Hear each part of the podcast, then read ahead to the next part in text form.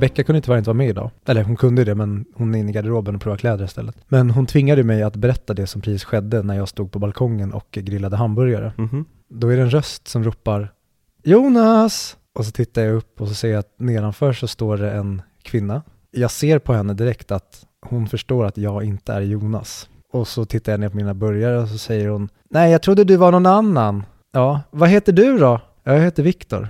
Det- Jonas är min kompis eh, brorsa. Men du ser ju väldigt trevlig ut du också. Jag kan inte fly därifrån för att jag står ju och håller på med eh, burgarna och avslutar det jag ska göra för vi ska precis käka. Och eh, då fortsätter hon med att fråga, jaha, hur länge har du bott här då? Två år nästan. Ta mig härifrån någon nu, omgående tack. Och sen så eh, frågar hon eh, hur gammal jag är eh, och några saker till och jag blir bara mer och mer obekväm och sen så är grillningen klar men hon vill fortsätta prata men jag eh, säger bara att nu, är, eh, nu ska jag gå in och grilla, eller jag, jag menar eh, nu ska jag äta det jag grillat. Hej då! Och det var en väldigt stel och obehaglig situation för mig. Låter som en lika episk och känslomässig kärlekshistoria som den som utspelar sig i filmen vi ska se idag. Är det homosexuell kärlek mellan Blonsky och Dr. Ross, tänkte säga, General Ross? Jag skulle säga att det är kärlek mellan Blonsky och Hulken. Men Blonsky som är huvudkaraktären, han, han har ju väldigt många kärleksintressen i den här filmen. Det är kanske någonting vi kan eh, ta avstamp i snart. Ja. Just vem är the good guy? Ja. Men eh, välkomna tillbaka till Audio Videoklubben. Audio, video, en bra podcast. Hulk smash. Okej, Viktor får ta fram sin sanna sida idag. Det här monstret som gillar att slåss och ha sönder saker. När jag får över 200 i puls, då beter jag mig, jag vet inte, jag sliter av mig kläderna, jag eh, börjar kasta bilar och jag gör många andra saker som vi inte ska prata om i den här podcasten. Men jag tycker väldigt, väldigt, väldigt mycket om hur eh, tydlig Hulk-unleashningen är i den här filmen. Säger jag med ironi. Mhm. När jag får över 200 i puls, det är då jag tar fram den stora leksakslådan. Utveckla. Nej. Nej. Har du hört förresten det senaste om Ari Asters nya film? Nej. För det är ju Cannes just nu, Cannes filmfestivalen. Och den skulle egentligen spelats upp där. Mhm. Men tydligen är han och A24 i lite eh, stridigheter just nu. Dun, dun, dun. För att A24 vill att filmen ska vara ungefär två och en halv timme lång. Men Ari Aster är fast besluten att det ska vara tre och en halv timme lång. Mhm. Och jag kände att det är precis den, den eh, responsen. Gud vad du och jag borde vara några slags fotsoldater åt regissörerna inne i någon slags studiobyggnad. Precis. Där vi hela tiden slåss för att don't cut this shit down. Men samtidigt kan vi vara väldigt mycket ute och cyklar. För Mm. att vissa filmer mår ju väldigt bra av att kortas ner. Ja. Men baserat på Ari Asters förra film så ska den inte kortas ner. Nej, det, det, be- Directors cutten för Midsommar bevisar ju att det som, han kan ju fylla ut de här stora utrymmena liksom. Mm, filmen blir ju till och med bättre och mer förståelig när Ja. man ser Directors Cut. Precis. De har ju klippt bort en hel subplot med eh, det här med runorna och grejer. Mm. Till exempel. Vilket är inte så jätteviktigt men det ger liksom textur till filmen. Mm. Och en scen där de kastar barn i sjön, vilket jag gillar. Ja, precis, exakt. När barnet är ett träd. Jävla bra film, Midsommar alltså. Och vi återkommer alltid till den. Ja. Men det är, så här, det, det är en av våra favoritfilmer. Vad ska vi göra? Not much we can do about that thing. Nej, för idag ska vi ta oss djupare in i Marvel-träsket. I Marvel Phase 1 som är vår nuvarande miniserie. Mm, för idag ska vi verkligen ner i träsket. Ja, idag ska vi prata om The Incredible Hulk. Eh, det är, vad ska man säga, The Ugly Stepchild av Marvel-franchisen kan man säga. Mm. Och en film som när den kom fick en hel del bra kritik, men som åren efter det har, när man sett det som Marvel faktiskt kan göra när Marvel gör det de ska göra, insåg vi att oh shit, oh shit, den här filmen, okej, okej, okej. Eh, Så det, det är lite grann vad vi ska prata om idag. Incredible Hulk från 2008. Hur var din reaktion till den när den kom, när du såg den första gången? Jag tyckte den var jättebra. Jag med. Eh, Jag tyckte det var väldigt härligt och kul att äntligen få se Hulken slåss mot någonting. Mm. Och liksom att det var actionsekvenser där Hulken faktiskt var en, en hjälte liksom. Men vadå, du fick ju det, han slogs ju mot tre hundar. Ja precis, han slogs mot vädret också. Just det. Gud, den filmen är så luddig och jag tror att jag älskar den. jag är jättetaggad på att se om den. Ja, vi måste göra det snart. Bara, alltså bara casten i den Mm. är, egentligen skulle man kanske inte säga det när man bara läser castlistan Nej. på den här. Mm. Men med vad jag minns från det att du har Eric, Ban- eh, han känns inte som en Eric. Bruce Eric Banner. Ban- Ja, just det. Bruce Banner. Banner. Ehm, och att du har Jennifer Connelly. Mhm. Jag älskar dig. Mm. Ehm, du har Nick Nolte. Mhm. Och Och- Sam Elliott. Just det. Mm. Perfekta jävla castingen för Thunderbolt Ross. Kul. eh, Det är ändå en väldigt, väldigt bra recasting att de tar eh, William Hurt, för de påminner väldigt mycket om varandra. Oh ja, och William Hurt ger sitt allt i den här filmen. Och det tycker jag att det finns fler som gör. Och Ja. det är inte till filmens fördel. Vi kommer gå djupare in på skådespelarinsatserna. Jag vill bara börja med att säga, vad håller Edward Norton på med? Vad håller Edward Nortons hår på med? Ja, Mm. Men eh, vi snackade lite grann om, ska, ska, vi, ska vi köra lite Clark-snack? det kan du göra fan på. Det kan du ge fan på, skit på det! Nej men eh, du, du har äntligen sett färdigt eh, Slark. Äntligen, nej, det har jag inte. Jag har en kvart kvar för att Becka somnade. Men gud, du missade ju twisten. Jag vet, så att jag vet inte riktigt vem som är mördaren än. Nej, nej, han är en kvinna. Ja! Det är, Ja! därför, han, det är därför han kommer på 10 sekunder, för att han låtsas vara en man. Mm, han är ett jävla proffs. Precis. Riktig legend. Nej men vad, vad, vad tycker du om Slark? Det är bland det bästa svenska jag någonsin har sett. Ja, men nu härmas du ju bara. Jag vet, för att du sa alla de här sakerna i Walk Hard var det Mm, väl? Förra veckans Och, avsnitt. eh, jag var ju Förra, förra veckan. Förlåt. ett avsnitt in i serien då. Mm. Och nu så har jag äntligen ridit mig igenom den här eh, festen som det är. Och Mhm. jag kan inte minnas någonting som jag någonsin har sett komma ur en svensk regissörs händer som har så mycket storkuks självförtroende. Mhm. Alltså det som Jonas Åkerlund håller på med under de här sex avsnitten finns inte i närheten av samma attityd någonstans i en svensk produktion jag Nej. kan minnas. Sen har den såklart skavanker. Det finns väldigt många skådespelare, eller skådespelare, komiker som försöker vara skådespelare Mm. som inte håller alls. Jag tycker tyvärr att, eh, som vi nämnde, Sandra Ilar är bedrövlig rakt igenom. Mm. Jättetråkigt när det ändå är en så otroligt viktig roll. Mm. Jag tycker att Björn Gustafsson inte funkar alls. Mm. Han är väldigt överspelad. Sen har du David Batra med Mm. också en helt bedrövlig roll. Samma sak där, en komiker. Vilken var det mer jag tänkte Måns Möller skrev Måns det. Men jag, tycker, jag, tycker, jag känner inte igen Måns Möller. Han var med i typ Biggest Loser eller något sånt där vet jag. All right. Och gick ner utav bara helvete och ser ju nästan sjuk ut. Ja, ja, det, ja. Men jag tycker det är synd att de inte tar en eh, vanlig gubbe i hans roll. Mm. För att det känns väldigt mycket Måns Möller som låtsas vara en akademikergubbe. Mm. Och det är inte Måns Möller någonstans i något universum eller multiverse som vi Ja. har varit i, du och jag, eller någon, Mm. någonsin. Så att komikerna är det sämsta med hela serien. Mm. Men sen har du ju till exempel Adam Lundgren, eller vad heter han, Adam Lundberg? Adam Lundgren heter han väl? Han från Midsommar. Nej, eh, du tänker på eh, Polisen. Wilhelm, Ja, precis. Wilhelm Moberg vill jag säga, men det heter han inte. Det är Eh, två Midsommar cast members ju. Mm. Eh, Madou, eller vad heter hon? Ja, precis. Madou. Och eh, Tommy Ponny. Precis. jag älskar deras relation. Ja, den är helt underbar. Ja. Du hade nästan kunnat ha, nu, jag vill inte ta bort någonting egentligen, men du hade kunnat fokusera på en serie som är helt på deras relation bara. Mm, För deras antagoni är så underbar. verkligen. Och hur tragiskt det blir emot slutet av serien när Tommy bara vill honom väl. Att, Mm. Du kan ju, du, du är ju inte dum i huvudet. Skärp till dig. Ja, alltså det kändes, det var skär i hjärtat när Tommy blev så besviken på honom Mm. under rättegången med, eh, med Moberg. Men Verkligen. eh, Adam, vad nu hette, är det han spelar Hitler? Nej, det är ju Daniel Hallberg. Okej. Som är också komiker slash influencer någonting. Ja, jag för mig. Eh, han, han var väldigt rolig tyckte jag. Ja, han funkar skitbra i sin roll. Det är det här att han är som tro, så jävla naiv. Och liksom vill, vill ha prestigen bakom allting och bara ska komma in och, medan Tommy är så här, men vi kan inte säga någonting alls just nu, vi, vi har ingen information, jag vaknar precis, ska Hille komma och säga, jo men jag tror det här. Ja, det är jättebra. Det är synd att, för att jag tycker hela den, av tre av fyra funkar, han som är någon konstig dvärgliknande person, som är den fjärde i den poliskvartetten. Mhm, Han är jättekort och ser väldigt märklig ut. Okej. Han skulle nästan kunna vara någon inbreed från midsommar. Mm.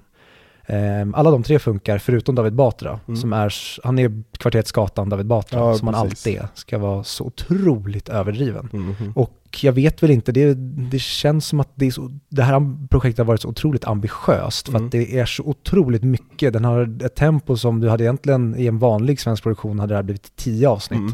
Men de trycker upp det på sex avsnitt och jag älskar den farten som det har.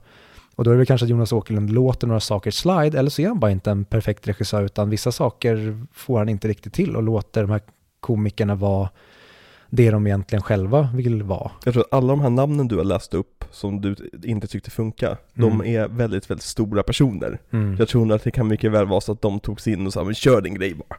Mm, ja, så kan det absolut vara. Men ja, Adam Lundberg vill jag minnas att han spelar ju Håkan Hellström i Känn ingen sorg. Jag vet att han är med. Ja okej, det är han som knarkar. Ja, han med Illen. Ja precis, exakt. Som är med Clark på havet. Ja, han är så jävla bra. Han är ju, hade inte Bill Skarsgård varit tillsammans skulle jag säga med Rudolf Andersson och sådana rolltolkningar, alltså Mm. Bert Ljung, alltså sådana komiska spot-on rolltolkningar, så är han ju uppe bland de bästa svenska rolltolkningarna någonsin skulle jag säga. Och jag vill bara se mer av Bill Skarsgård i sådana här roller där han Mm. får fullständigt kuka ur. Och bland det bästa i hela serien, det är ju när han är ute på havet och skriker Ja. åt vädret. Han, han är redo, kom och ta mig. Nej men eh, Adam Lundbergs roll, jag kommer inte ihåg vad han heter. Ja, skitsamma. Ja. Illersnubben som är med, han som han dumpar sen i Belgien, är MVP om inte Bill Skarsgård hade Ja, varit med. precis. För han är så grym som den här söderkisen. Ja. Och när han då tror att han ska dö på skeppet, han börjar skrika Hammarby. ja, precis. Men det är liksom det, det närmsta som ett, ett liksom religiöst liksom, sätt, synsätt han har. Ja. Det går till som Hammarby liksom. Och det är så skönt hela den här serien att Jonas Åkerlund, jag vet inte vad han har för politisk läggning, Mm. men han slår åt alla politiska håll. Ja, han slår verkligen på alla. Ja, och det är så otroligt roligt. Bara ta den här eh, kommunistpjäsen som hon, eh, mamman, står för. Hur han så tydligt förlöjligar henne när hon ska göra sin... Men han förlöjligar ju hela liksom 70-tal, 60 och 70-talet som vänsterrörelse. Det här med att vi måste förstå de kriminella. Mm. De, de är här för att rehabiliteras. Och Clark bara Nice! Det här kan jag utnyttja. Ja, och de får verkligen honom så bra till att han är både lite blåst, Mm. men också så otroligt smart på andra sätt. Som Ja. han hela tiden, ja men lite som en Forrest Gump. Han snubblar sig in i helt rätt situationer Ja. och tar egentligen helt korkade beslut. Men bara för att han gör det med sån jävla balls Mm. så blir det helt perfekt i hans favör. Jo men det är ju som, att han, han hela tiden snubblar och ramlar men sen så lyckas han rädda ramlingen Mm. och så får han det att se ut som att nej men det här var på meningen. Det här, det, här, det här tänkte jag faktiskt göra från första början. Det här är inte bara någonting som jag föll in i. Nej. Mm. Och han är så bra i den här stereotypa jävla balle, kuk, fitta, Mm. gubb. Alltså den gör han så bra i sitt självförtroende hela tiden som bara när de är i jag kommer inte ihåg vilket land det är där de plockar honom, men när han är på um, hotell och när han dansar tango, väl, eller salsa med en kvinna. När han bara går med sina drinkar och bara You and me tonight baby on the dance floor. Mm. Att han, han är så omedveten om någonting så att hans självförtroende blir som världens jävla, bara den drar till sig allt som solen. Precis, exakt. Och det funkar så himla bra när Bill Skarsgård gör, för det har kunnat falla i en annan skådis som inte vågar gå in så här stenhårt i det här självförtroendet som Mm. han har. Det är så jävla bra. Mm.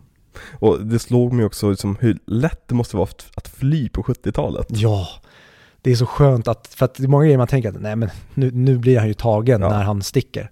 Nej, ja, just det, det var andra tider. Exakt. Det fanns inte kameror överallt och du kunde kunde, han kunde resa med sitt eget pass när han sitter inlåst i fängelset. Ja. Det är som bara en sån sak. Idag hade det som börjat blinka lampor liksom på Arlanda. Nu, nu är det så här, ja, det här ser ut som pass, åk då. Liksom, Mm. ja nej. Jag tycker att Bill Skarsgård verkligen fångar också hans karisma. Mm. Och inte bara liksom det här är så storkuken utan även det här att man förstår varför folk, folk dras till honom. Mm. Och att de liksom sätter en, en, en, en slags analys på Stockholmssyndromet Som inte är just det här att vi vill att det ska vara avancerat och det är så här, det här är ett speciellt, speciellt tillstånd som gisslan sätts i efter viss tid med gisslantagare utan bara Han är bara en charmig snubbe Mm. Han, han, han charmade brallorna av dem helt enkelt. Ja, Och det, är alltså som, det, det är inte svårare än så. 11 av 10 män i, ta bara Norrmalmstorgsdramat, Mm. när han direkt börjar flörta med henne Mm. och sen bara kör det rakt in i kaklet. Mm. 11 av 10 män failar där för att de har en promille mindre karisma. Ja. Men för att han är så rakt in i kaklet det han vill göra Men- och, har den charmen så funkar det. Han har ju som ingen, vad heter doubt, vad heter det på svenska? Ingen tvekan. Ingen tvekan alls om, om sin förmåga. Nej. Och det ger honom förmåga. Mm, han är verkligen fake it till you make it, Ja, rakt in hela vägen. Och det, att det funkar genom hela den här serien är underbart för att den är så himla lekfull. Den Mm. har så kul hela tiden och jag är så glad att Jonas Åkerlund har den här historien med att vara en av de mest hyllade musikvideoregissörerna i Hollywood. Mm. För att det är så mycket av musikvideodelarna i den här serien som får serien så himla levande Exakt. Bara ta den delen med när, som jag tror du nickar åt det hållet i alla fall när jag nämnde det animerade i Walk Hard.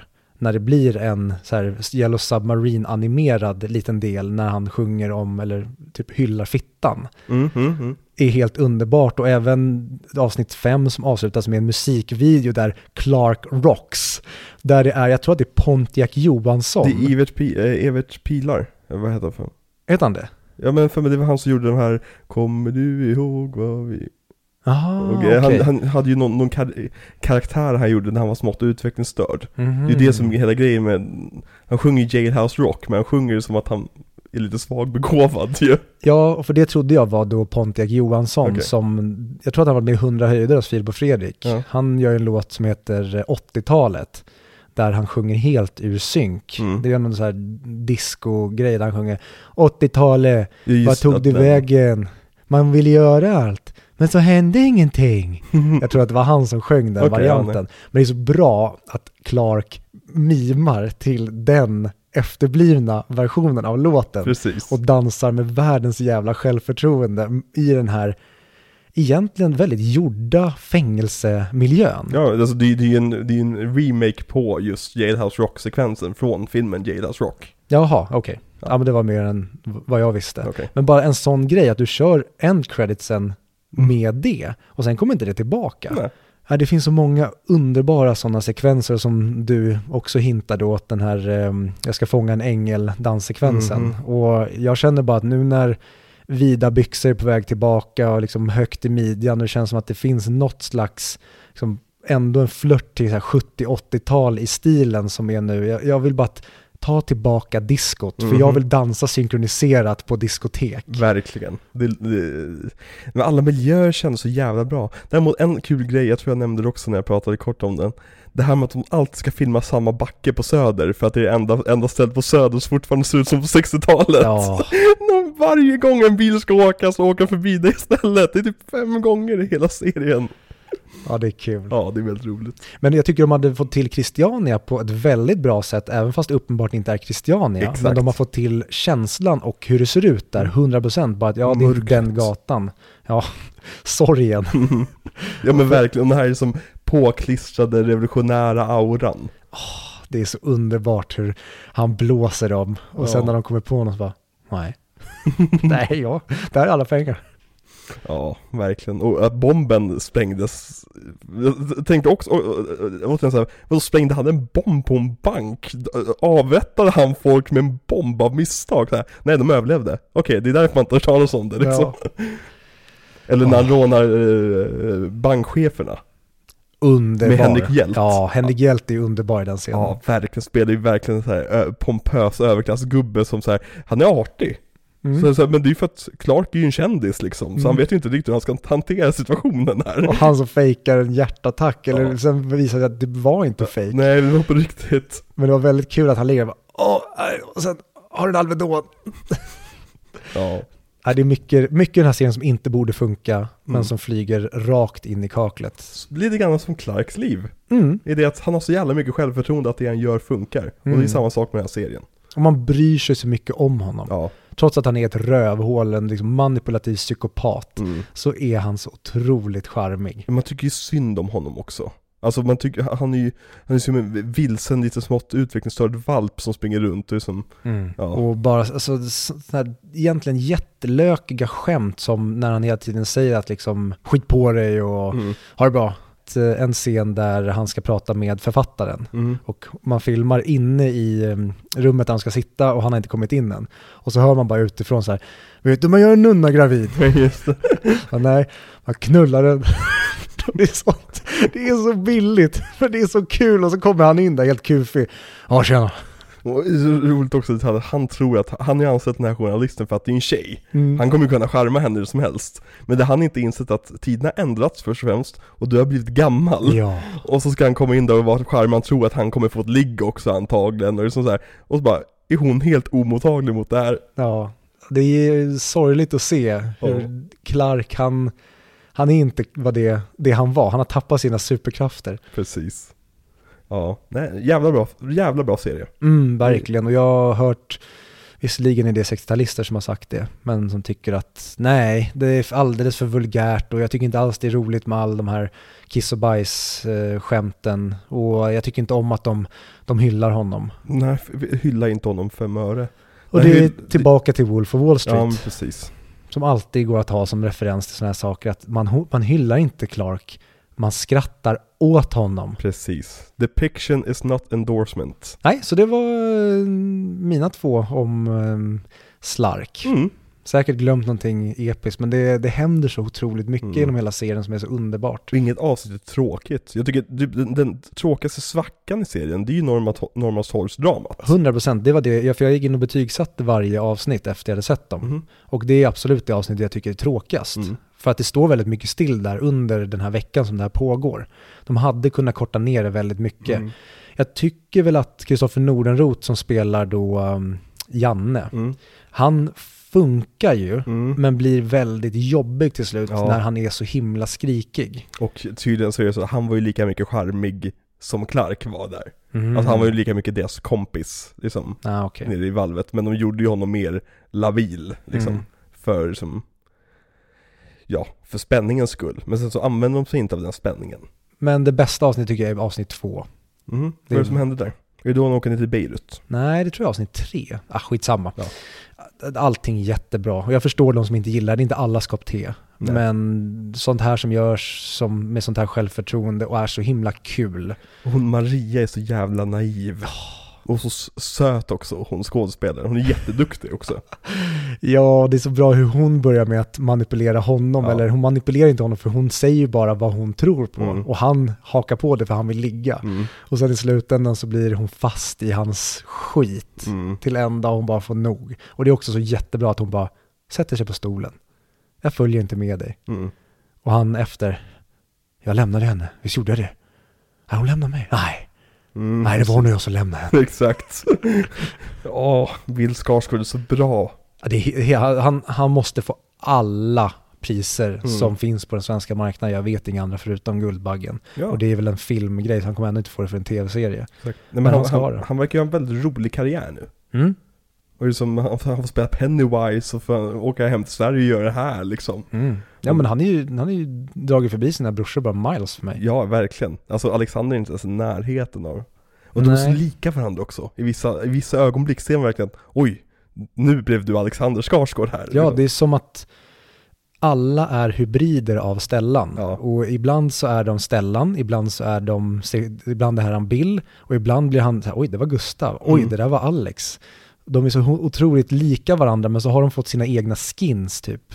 Har du förresten sett att Gustav Skarsgård är den som, nu skådespelaren som ska framföra tröstrapporter? Ja, det är så märkligt i Det verkar som de, att det här med Henrik, vad heter han? eh, Christer Henriksson. Christer Henriksson. Att det verkar ha varit på riktigt alltså, att han och Alex inte kom bra överens. Jag trodde det var ett bit i podcasten. Ja, men och det får mig att undra, har deras beef med Gustav Skarsgård varit ett bit? Eller har de lagt det bakom sig? Jag tror att de kanske har lagt det bakom sig. Det var ju ändå typ nästan tio år sedan nu. Det är det nog. Ja. Ja. Men det är, Jag väldigt kul. spekulerar, jag raljerar. det är väldigt kul när Sigge ska bli Mattias Varela eller Gustav Skarsgård. Ja. Bara, Öh, vad fan! Visa kuken då Varela! Han är jävla bög! Amanda, kom hit då! Ja just det, när han säger att Amanda ligger med Gustav Skarsgård va? Men sluta! Ja, nej det är väldigt, Ja. ja.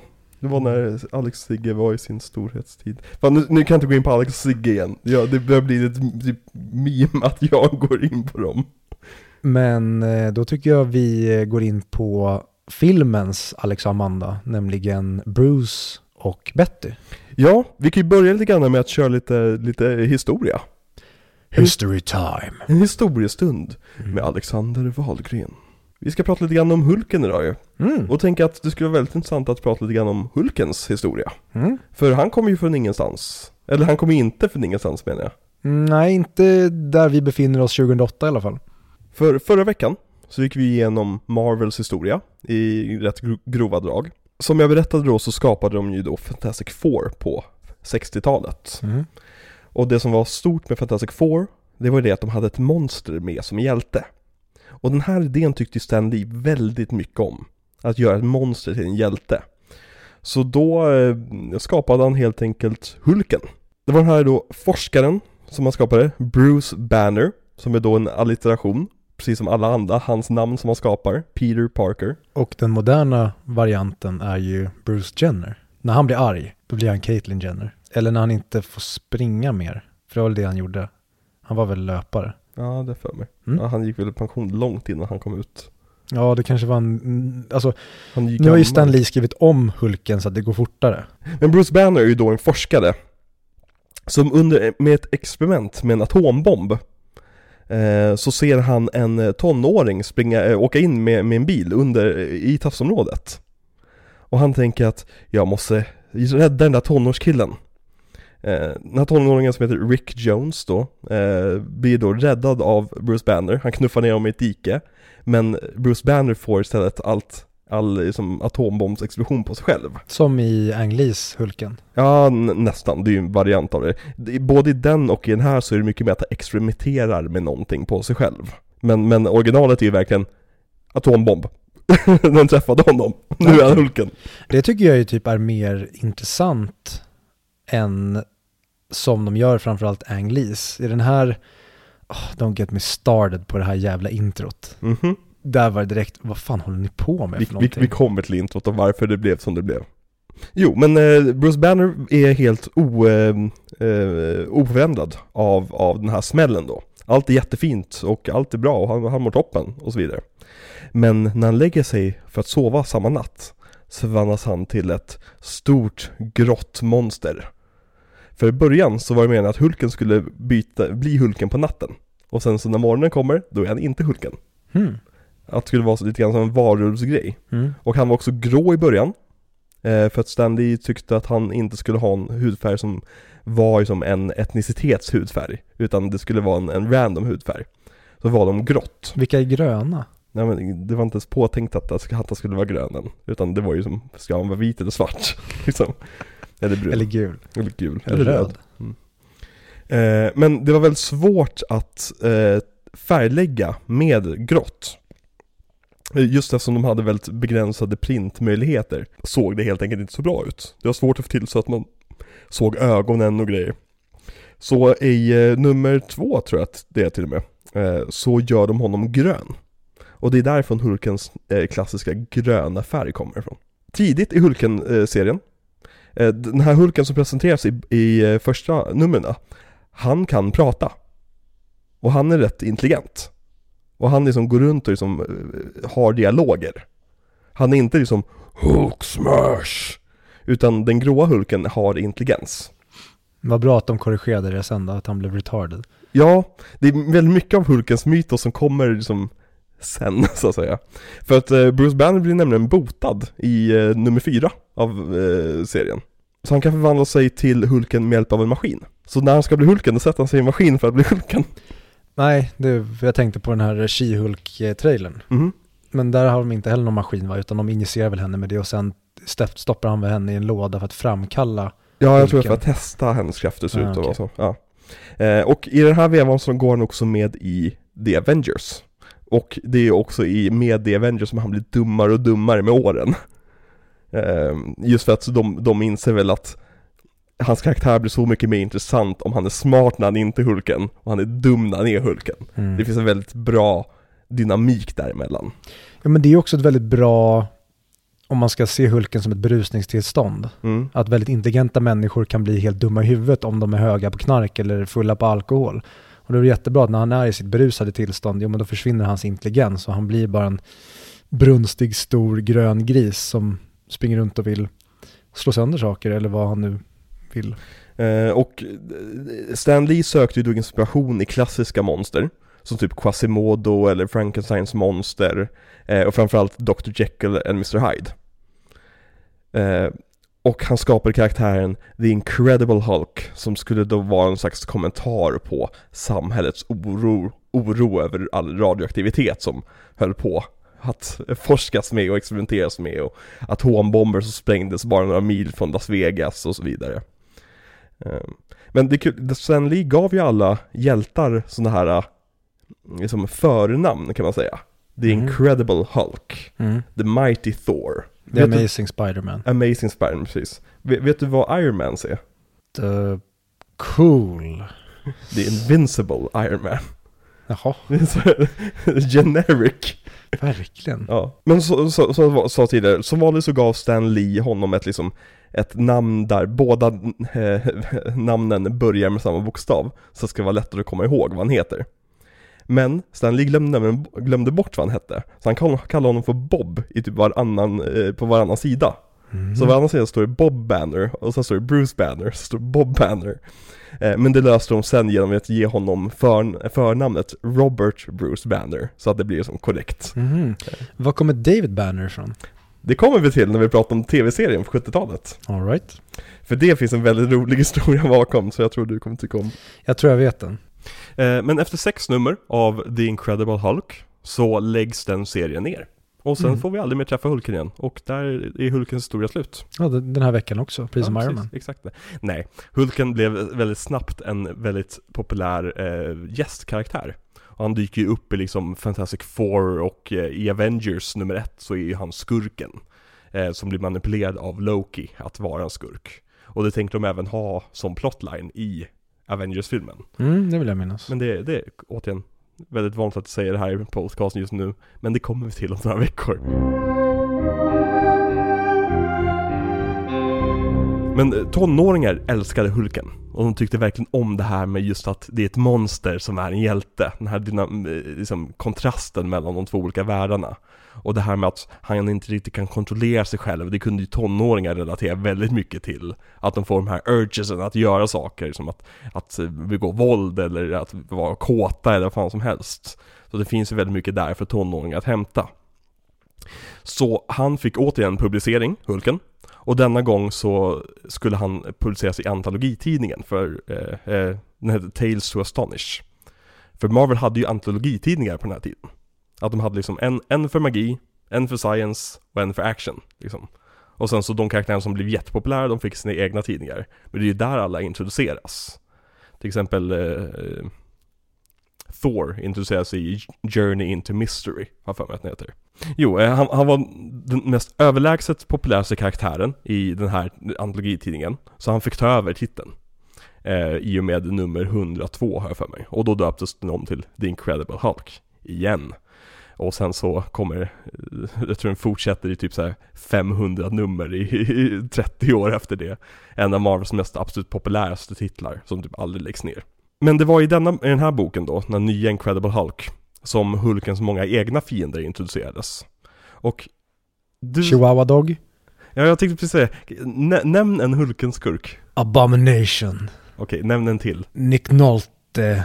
Lightning Man.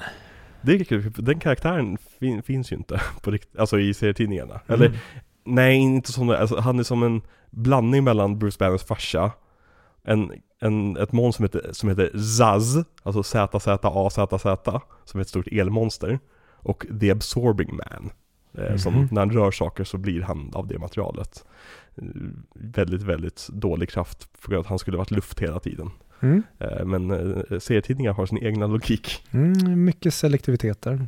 Nej men en, en väldigt stor skurk som introduceras här det är ju också The Leader Som vi får introduceras för lite grann i den här filmen Mhm. Spelas av eh, Tim Blake Nelson. Jaha, Det är ju Hulkens primära nemesis. okej. Han har ett stort grönt huvud. Ah, jag skulle komma till den frågan. Var, varför bubblar hans huvud? Och varför borde jag veta varför hans huvud bubblar? För Ja. det bara sker och sen, det är nästan som att Tim Blake Nelson ger en wink till kameran att Mm, det här är jag. exakt. Ehm, men han också, där introduceras också Thunderbolt Ross och Betty och alla, allt det här. Och även hans stora, det finns ett superskurklag som heter The UFOs. Ja, det är de som jagar honom inne i fabriken, de här eh, brasilianska männen. Precis, exakt. Nej men The UFOs är lite intressanta för de är vetenskap, fyra, fyra vetenskapsmän som såg vad som hände Fantastic Four och blev avundsjuka på Fantastic Four och försökte utsätta sig för exakt samma experiment. Men fick andra krafter och blev sen skurkar på grund av hur dåligt de mådde, mådde på grund av det. Men de slåss aldrig mot Fantastic Four. De är aldrig med i någon Fantastic Four-tidning utan de är bara Hulkens skurkar. Kul ändå att Ja. det inte blir Lilla Djungelboken utan man tar några och sen så råkar de inte fightas mot dem de var avundsjuka mot. Nej precis, alltså det, det, ju- här, här bygger ju Marvel sin värld väldigt bra. Mm. För att i DC hade ju blivit att de hade stått slagits mot Fantastic Four.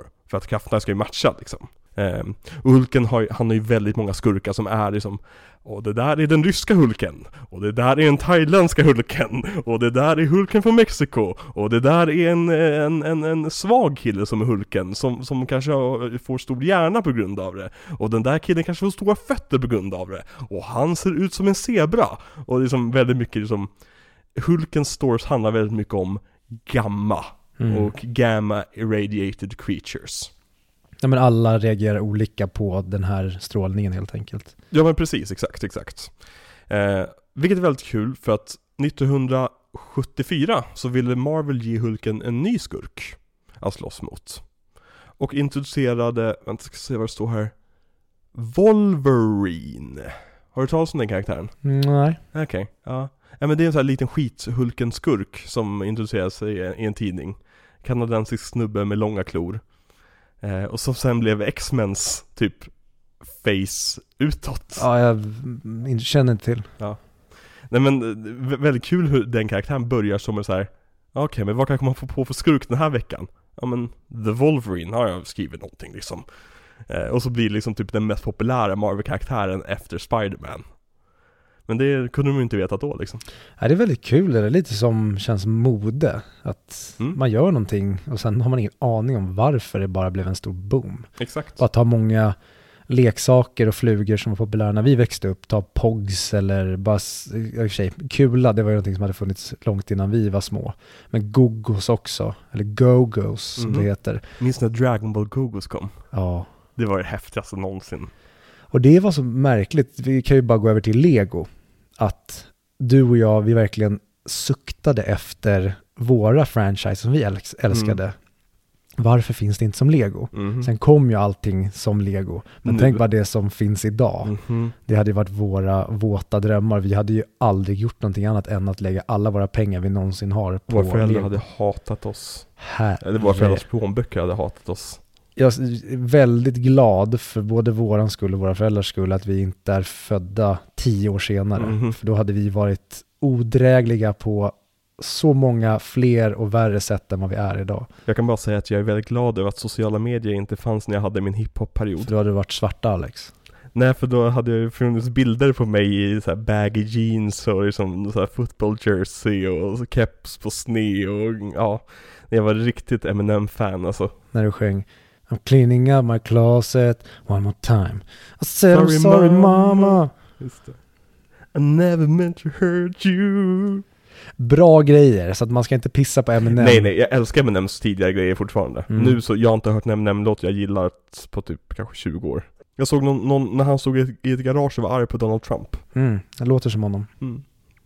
Han ser väldigt sliten ut nu för tiden Och det där skägget passar honom inte Nej, han ska vara den här blonda, bara lilla, det här locket han hade och vara lite smal och gullig, men Ja. ha en väldigt arg röst. Ja men ja, Mm, Slim Shady, Rip in Peace. Marshall Matters, the third Fy fan vilket white trash namn det är Verkligen.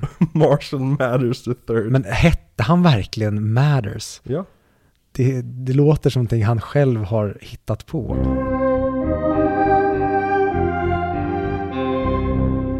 Men tillbaka till Hulken, från en arg man till en annan. Mm. Eh, för 1977, vad hände då med Hulken? Han slutade ha tröja. Nej.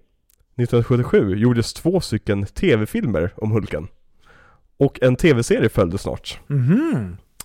Med din pappas favoritperson, Lou Ferrigno i huvudrollen. Mm. Och det är ett minne jag har från barndomen att din pappa snackar om Lou Ferrigno.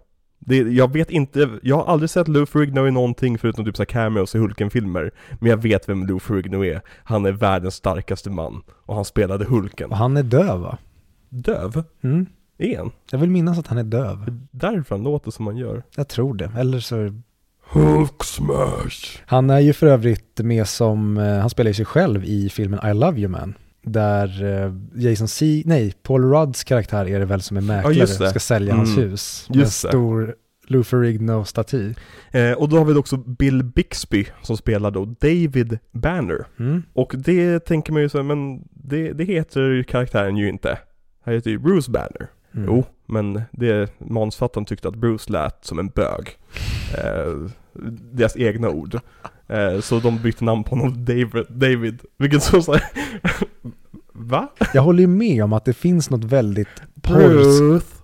Nej, jag tänker att det finns något porrskådisklingande. Det låter som ett Boogie Nights namn. Starring Bruce Banner. Mm, ja, jo kanske. David tar ju bort det helt och hållet, så jag förstår ju var de kommer ifrån.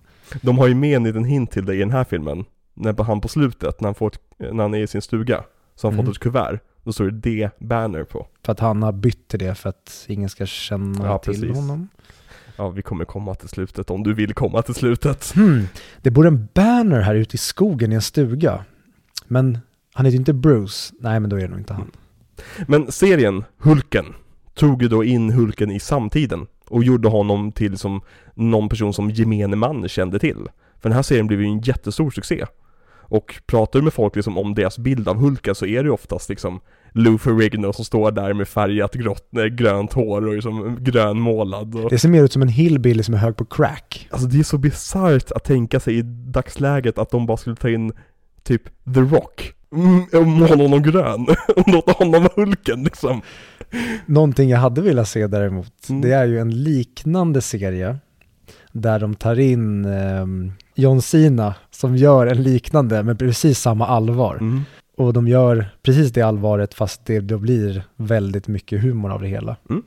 Ja men verkligen, alltså eh, en slags liksom parodi nästan Mm. på den här liksom 70-talseran av superhjältefilmer. Mm. För den här eran gjordes ju andra filmer också, typ såhär Captain America och det finns en Doctor Strange-film där han ser ut som en porrskådis och det, det, det, ja, väldigt roligt.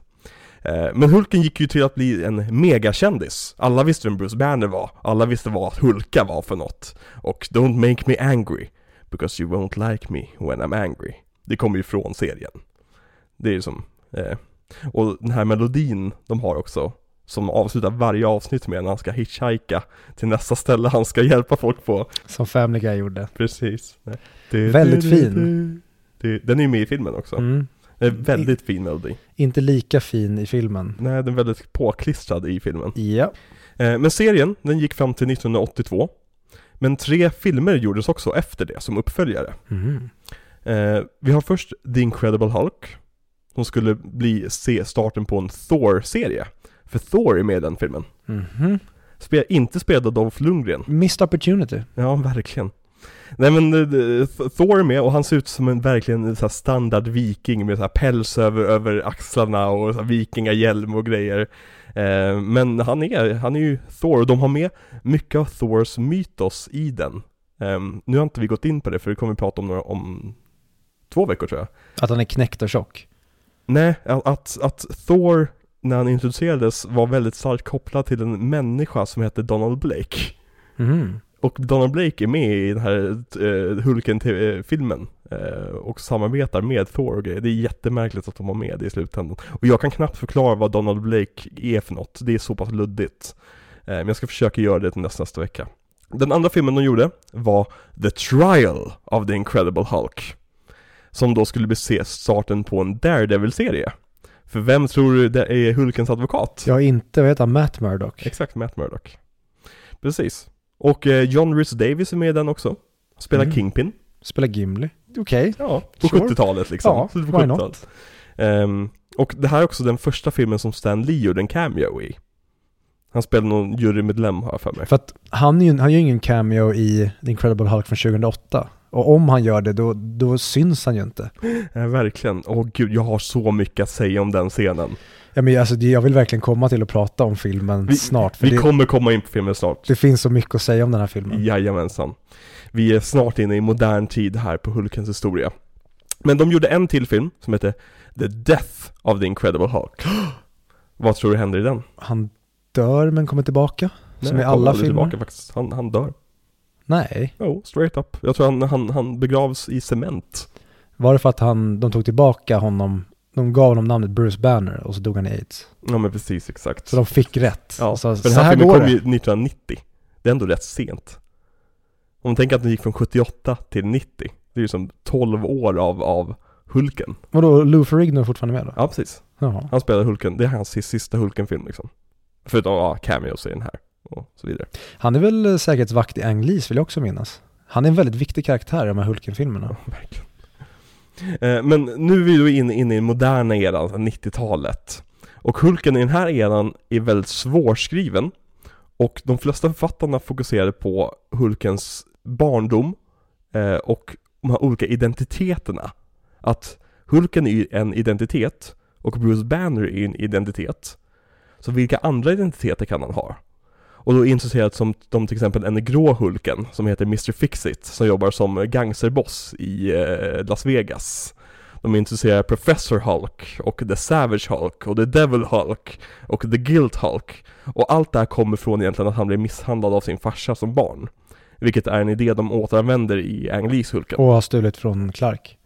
Ja men precis, exakt. Clark var ju först med att bli misshandlad som barn. Mm. Det var ju originalet. Eh, och det... Ja, det blir, Hulkens lår blir väldigt, väldigt luddig här. Och egentligen så är det Satan själv som inspirerar Hulken. Alltså det är han som gör folk till Hulkar med gamma radiation. Med, med varje Hulk han skapar, Satan alltså, eller The One Below heter han, så öppnas lite mer av dörren till helvetet mot, mot, mot jorden Okej.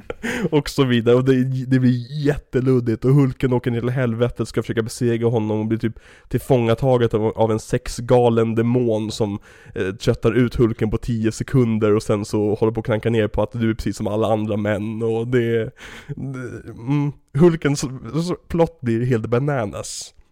Eh, och till slut så var de tvungna att bortförklara väldigt mycket med att skurken Nightmare hade eh, tagit sig in i Hulkens huvud och trott att allt det här hände. Som Wanda. Ja men typ, precis. För att bara rensa ut så mycket så här meningslös plott som möjligt. Så så här, ja, du, ja men enligt den här tidningen så var Hulken där. Eh, nej, det var en dröm han hade. Men han, han slogs mot den här skurken. Det var också en dröm. Vi försöker ta bort så mycket som möjligt här. Briljant manusförfattande. Ja men det är ju, alltså när du har det verktyget att kunna göra, att du har en skurk som faktiskt påverkar folks drömmar. Och du måste bli av med jättemycket avancerad backstory. Så här, varför inte slå ihop det liksom? Mm. Ehm, och i nutiden så har ju Hulken väldigt många nya koncept och storylines som intresserats Som till exempel The Red Hulk och Planet Hulk och World, World War Hulk och så vidare. Han har två söner och ja, lite allt möjligt. Ehm, Så det är där Hulken är idag. Men det jag, det jag slog som av när jag gjorde researchen om karaktären Hulken, det är det att Det här konceptet att Hulken är Bruce Banner Som blir arg och då blir han Hulken det är väldigt begränsat, en begränsad del av Hulkens historia. Utan det är någonting som mest har överlevt i andra medier. Som till exempel filmerna, eller tv-serierna, alla, eller alla de här tecknade serierna, eller tv-spel, eller vad fan som helst. Där lever liksom original-Hulken kvar. Men i dagsläget så Hulken är ju som jag tror just nu, det här, det här kan säkert ändras förra månaden, vad fan som helst, men just nu tror jag Hulken är liksom sammanfogad. Bruce Banner och Hulken är en och samma. Men eh, för några år sedan så var de uppdelade i två olika karaktärer. Ja, och då är de kanske hittar tillbaka till hur det ska vara då, för att allt annat låter väldigt blä. Ja. Och det är ju ett väldigt enkelt och bra koncept med en Jekyll och Hyde-grej. Ja men och det gör ju också så att du blir rädd för att han ska förvandlas. Och jag tror också det är också nyckeln till att göra en bra Hulken-film. Att du tycker att när, varje gång han förvandlas ska du tänka åh nej. Mm. Vad är det som händer med Bruce här? Och det tycker jag mycket av, om vi ska börja prata lite grann om filmen, vi ska prata om den gamla filmen lite grann innan vi går in på produktionen och så vidare. Men att den här filmen gör fel, är det att man gör Hulken till en actionhjälte. Och man, man, man, man vill att Hulken ska komma fram så att man kan få en fet actionsekvens. När det är egentligen det sista du ska vilja när du ser en Hulken-film. Men då, jag förstår inte vad du menar. Det är inte så att han typ hoppar ut ett plan för att bli Hulken och använda som ett vapen mot ett annat vapen de har Mm. skapat. 2003 så kom det ju en Hulken-film. Såg vi den tillsammans? Det måste vi ju gjort. Det tror jag. Ja, jag minns att vi bägge tyckte att den var väldigt tråkig. Ja, verkligen. Och det, den är ju en väldigt långsam film och väldigt liksom contemplative film. Mm. Och väldigt unik i sin stil och sin vision om vad det ska vara. Hur den liksom använder sig av comic bookiness, som har, de har liksom de faktiska liksom, rutorna på skärmen ibland. Mm. Som man zoomar ut från en ruta och sen går ner till en andra på raden under och mycket sånt där. Mycket sånt som vi idag, nu när så många superhjältefilmer ser likadana ut, tror jag nog att vi kommer upp, kunna uppskatta mycket, mycket, mycket, mycket mer. Jag hoppas det. Ja. Och det är ju Eric Bana i huvudrollen som vi var inne på nyss. Mm. Den filmen blev ju väldigt, väldigt sågad när den kom. Ang Lees Hulken. Mm, jag minns inte att någon gillade den. Nej, och det är som, det är mest de senaste typ fem åren som folk har börjat reclaima den lite grann. Men den ansågs sågs ju var ju som, först och främst, de tyckte att CGI var skitful. Vilket jag förstår i vissa scener. Och- Jag har för mig att de använde mörkret väldigt bra i den, men det Mm. kanske bara var hitta på i mitt eget huvud. Det jag sett när jag ser bilder på Hulken, alltså själva karaktären, det är det att jag tycker att den Hulken ser bra mycket bättre ut än den här Hulken. Ja, för jag undrar hur dålig CGI är i den, om den här CGI ansågs vara bra. Ja, vi kommer komma in på alla de små besluten de tog för CGI ska jag säga. Jag har grävt ner mig djupt i CGI, eh, designers citat om vad de ville göra och sen vad, vad resultatet blev från det.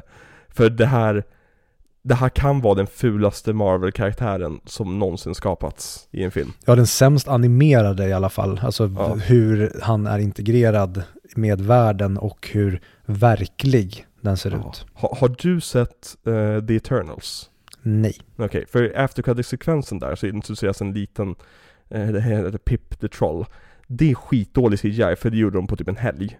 Eh, men det här är värre. Och det här är som 20, eh, 10 år senare, 13 år senare liksom. Jo, men det här får mig att tänka på Playstation 3-grafik. Ja, Det är riktigt, riktigt dåligt. ja. Men produktionen på den här filmen drogs ju igång under produktionen på första Hulken-filmen. För det här var egentligen först tänkt att vara uppföljaren till Hulken. Mm. Att det skulle vara som Hulken 2. Eh, och där planerade man att Hulken skulle vara grå. Och han skulle få slåss mot en riktig fiende. The Abomination. För redan under inspelningen insåg de att, men vänta vi har ingen riktig skurk här i den här filmen. Han har sin pappa och de liksom vevar runt mot varandra i, i ett oväder på slutet men det är inte så att han slåss mot någon liksom. Nej. Han har ingen fysisk motståndare. Utan han flyr bara från varje fight. Ehm, så ett manus eh, skrevs, togs fram eh, av författaren Zack Penn. Som är väldigt känd inom superhjältefilmkretsar som den mannen som aldrig ska tillåtas att skriva ett manus. Eh, för att han är väldigt bra polare med A.V. Arad tydligen. Eh, Och son till Sean Penn. men Hulken släpptes eh, och blev allmänt sågad. Så då saktades planerna ner för att göra en till Hulken-film, vilket är förståeligt. Men A.V. Arad insåg att, ja men Hulken säljer jättemånga bra leksaker. För som du minns från förra veckans avsnitt så A.V. Arad Jag förstår att du blir så upprörd när du tänker på A.V. Rod. A.V. Arad, han, han var ju leksaksmakare. Så alla hans beslut kommer ju från logiken bakom leksaker. Och Hulken säljer ju jättemånga leksaker. Mm. Så då är det bra att vi gör en Hulken-film för då promotar en leksaker. Så han pushade vidare, han tänkte att det skulle vara premiär redan 2005 eh, på uppföljaren, det vill säga två år efter första Hulken-filmen. Men Universal, som äg, ägde distributionsrättigheterna till Hulken och även karaktärsrättigheterna till Hulken vid det här laget. De började bli väldigt osäkra på om de ville verkligen finansiera en till Hulken-film. För att den här drog, jag tror den drog in sin budget och lite till. Men det var verkligen på håret och folk tyckte verkligen inte om den filmen. Och de kände att folk kommer inte komma tillbaka för den andra. Men Navia Rudd sa ju så, jo men jo! Det, det kommer gå skitbra, det kommer gå skitbra det här. Det är bara, jag har Zack Penn som skriver manus här, kolla, kolla vilket bra manus det här är. Eh, Zack Penn har för övrigt skrivit manuset till typ Elektra, X-Men 3, och lite sånt där. Ändå respekt att ha det som sin writers credit. Det var bland de sämsta skrivna filmerna någonsin vad jag kan minnas. Mhm. Jag såg om X-Men 3 häromdagen. Den var bättre än vad jag minns det som. Fram till en viss punkt. För mig att tredje akten är en urkukning utan dess like typ. Ja, för det är en film som är tre filmer samtidigt och den kan inte riktigt bestämma sig om vad den handlar om. Så fort den handlar om The Cure och allt det där, då är den bra.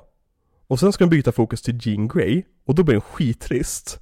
Men slutet handlar om The Cure, men då har de glömt bort att Jean Grey finns typ. Och står på sidan av fighten i en halvtimme, och sen på slutet så ballar hon ur och blir död av Wolverine. Och sen så är filmen slut. Och den är en timme och 40 minuter lång typ. Gud vad synd att X-Men-trilogin, som det då blev, Mm. inte behandlade triangeldramat bättre än Mm. vad de faktiskt gör. För jag tycker väldigt mycket om kärlekshistorien mellan Jean Grey och Logan. Och Cyclops. Ja, men, precis, men att deras kärlek till varandra, men att hon är då redan upptagen. Mm. Och det känns som att de bara slänger bort. De misshandlar ju sönder Cyclops-karaktären i de filmerna. Alltså jag är så besviken på, alltså nu i efterhand, alltså Cyclops är en av de häftigaste X-Men-karaktärerna. Mm. Han är som ledaren över X-Men. Och han är som, han är som, han är en badass karaktär som är hård men han är rättvis och han är som, han tar väldigt mycket så här gråa beslut. Och i, och i filmen gör honom till The Baxter. Liksom att han, han är som pojkvännen som, som inte förtjänar tjejen liksom. Mm. Och det är allt vad hans kar- karaktär handlar om. Och sen så finns också en liten detalj av att se Brian, Brian Singer-filmer, när man inser att, vänta, varför är det så mycket barn med i Brian Singers filmer? I varenda en av hans filmer så är det unga pojkar med, som är väldigt så här, välsvarvade och väldigt så här, eh, väna personer. de kanske träffade dem på fest. Ja, alltså, det, blir, det läggs ju ett mörker över de två första, första X-Men-filmerna, när man tänker på Brian Singer. Och alla andra filmer där Brian Singer får jobba med barn, som till exempel i Superman Returns. Rip the boy. Ja. Nej, Viktor. Do not rip the boy. Hans föräldrar kommer upptäcka det. Nej, jag menar Rip pojken, alltså hans psyke idag. Mm. Efter ja. vad han då förmodligen fick utstå efter att ha fått huvudrollen, eller vad säger man, barnrollen i den filmen. Ja, gud. Ja, nej. Brian Singer, det är nästan värt att köra en miniserie om honom. Det är väldigt kul filmer. Det hade varit väldigt Ja. kul.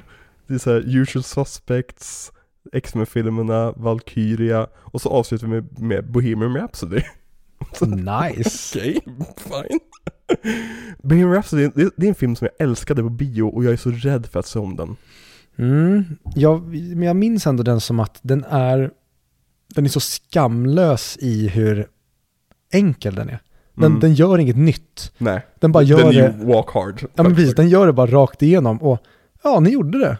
Det är skitbra musik, Rami Malek är grym Mm. och det är det. Mm.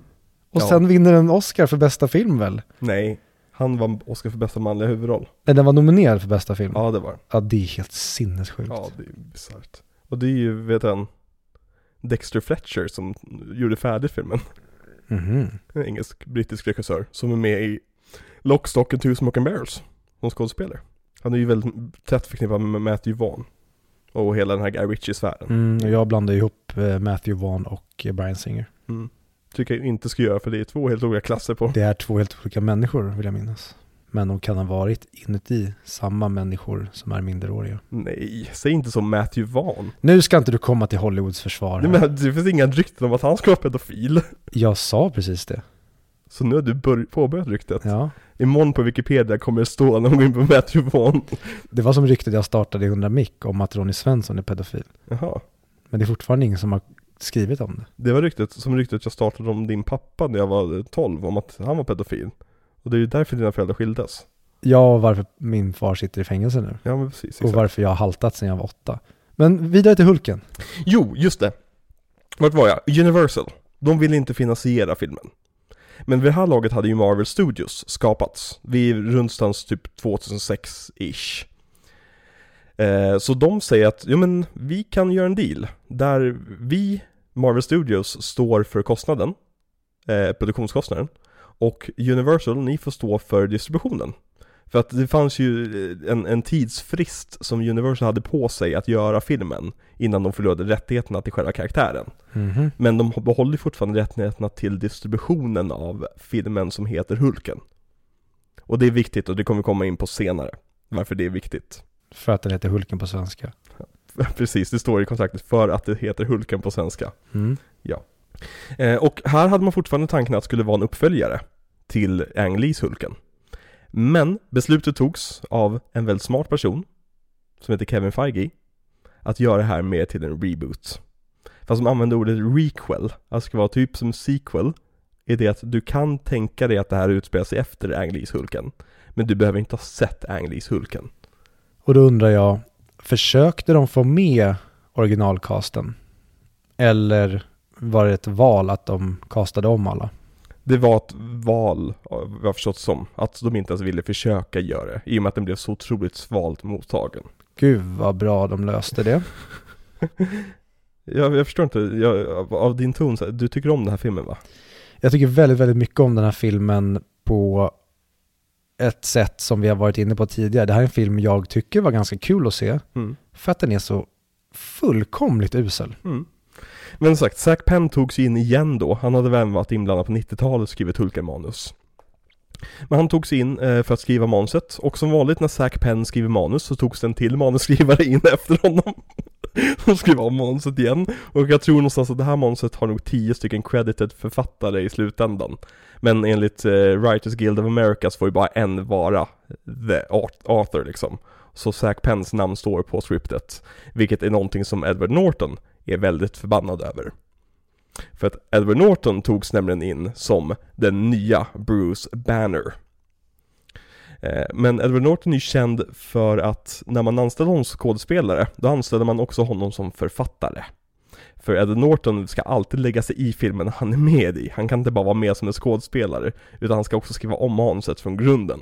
Så han skrev om nästan hela manuset, eh, och skrev om eh, scener fortfarande under inspelningen. Alltså långt in i inspelningen så satt han fortfarande och skrev om scener när de skulle spela in dagen efter.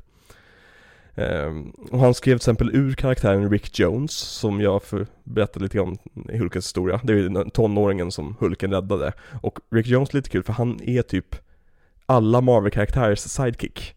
Han började som Hulkens sidekick, och sen gick han över till att vara Captain Americas sidekick, och sen att vara Captain Marvels sidekick, och sen fick han Captain Marvels krafter, och ja, han har också en väldigt lång, lång historia. Och eh, Norton bråkade så mycket med Marvel under klippningen av den här filmen. Att han åkte på en eh, välgörenhetsresa under promotion touren istället. Åkte ner till Afrika och gav eh, mat till svältande barn istället för att slippa sitta och prata om filmen. Bullet dodged. Ja. Ehm, och Men han är ju en eh, minst sagt eh, accomplice till det här brottet. ja, För ja, vi kommer komma till honom. I, e- enligt, enligt Edward Norton själv så har han den perfekta klippta versionen av den här filmen. Och den är två timmar och tio minuter lång har jag för mig att han sagt. Och det är den som verkligen fångar essensen med Hulken. mm. Eh, och den här versionen som Marvel har släppt, det är något jävla havsverk som jag inte alls står, bakom. En film regisserar ju inte sig själv heller. Eller gör den det? Regissören de valde är då den franska regissören Louis Leterrier, Som eh, har gjort vilket mästerverk då? Transporter-filmerna. Och vilket mästerverk då? Vilket syftar du på? We are the four Ja, horsemen! ja, du menar efter det här så gjorde han eh, Now You See Me ja. Jaha, du menar innan? Ja precis, exakt. Ja, ja Mm. precis. Han samarbetade väldigt mycket med Luc Besson och liksom var produktionsassistent på hans filmer och så vidare. Eh, och han var egentligen tänkt att först regissera Iron Man. ja, och fick Hulken lite grann som tröstpris. Mm. För att han inte lyckades med få jobbet som Iron Man. Och han var på Marvel i år efter det här. Om att, åh, ska ni göra en Avengers? Kan inte jag få regissera den? Så, "Mm, nej, vi har, vi, vi, vi har anställt Joss Whedon här. Eh, Joss, kom hit fort fan. Ehm, Ska jag? Ja, så- Okej. Okej, men Iron Man 3? Eh, Shane Black ska regissera den. Tyvärr Louis, det, kom tillbaka nästa månad. Ah, Okej, ska, men, men Thor 2, kan inte jag få ta den? Um, Patty Jenkins? och det är verkligen så här, när man kollar på typ så här, produktionsnotes på varje Marvel-film så är det typ så här Louis Leterrier want to direct this.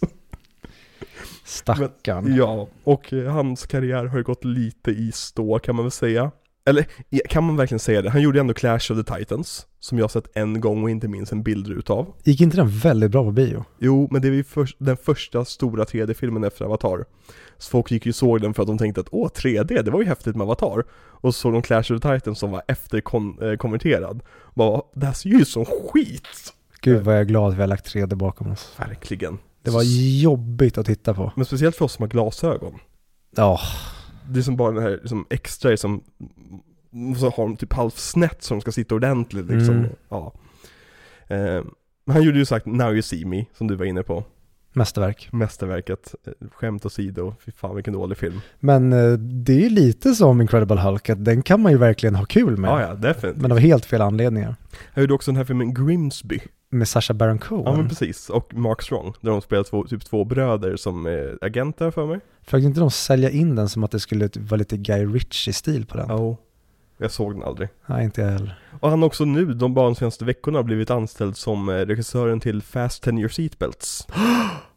Ja! Mm. Då kanske det är värt att ta sig igenom den filmserien och ha kul med tian. Då kanske den till och med kan heta Fast and your seatbelts. Har, har du sett Fast-filmerna?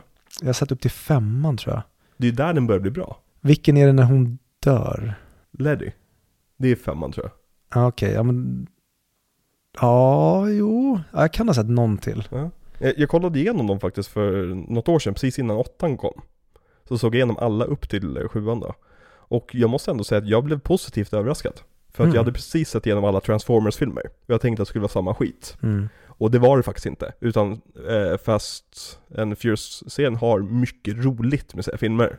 Det är väldigt kul att se vart den filmserien startade och vad det är idag. De började med att stjäla typ inbyggda VHS-apparater i tv, alltså eh, TV, tv-apparater med VHS på, så som du hade på ditt rum. Mm. Det, det är heisen i första filmen här för mig. Och nu så åker de till, ut i rymden med sina bilar. Jag har inte sett åttan eller nian för den delen, men eh, ja. Det låter ju skitkul. Jo men det låter verkligen som att de har liksom omfamnat the comic bookness och det här Mm. med att de har skurkar och de har liksom hemliga agendor och det finns hemliga liksom eh, Shield-liknande organisationer som har liksom eh, superspioner och Bil Marvel. Ja men precis, de, de, de insåg till skillnad från alla andra franchises som såg på Marvel och typ så här. De gör många filmer, det är det vi ska göra. Så kollade de på Marvel och tänkte, de har roligt. Det ska vi också ha.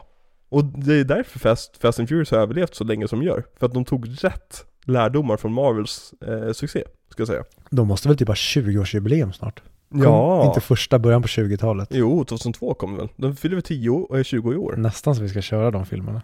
Jag, det skulle vi nästan kunna köra på Patreon. När kommer nästa? Och nästa år kommer de. Ja men då tycker jag nästan vi försöker lägga in det i schemat. Ja, som franchise. Ja, lätt. Tio stycken Fast and Furious-filmer på rak. Den hade varit kul. Alternativt eh, Mission Impossible, för jag såg att det kom en trailer. Ska, Ja. eh, har jag förstått det här rätt? De nya som kommer, det är en tvådelad avslutning. Mm. All right.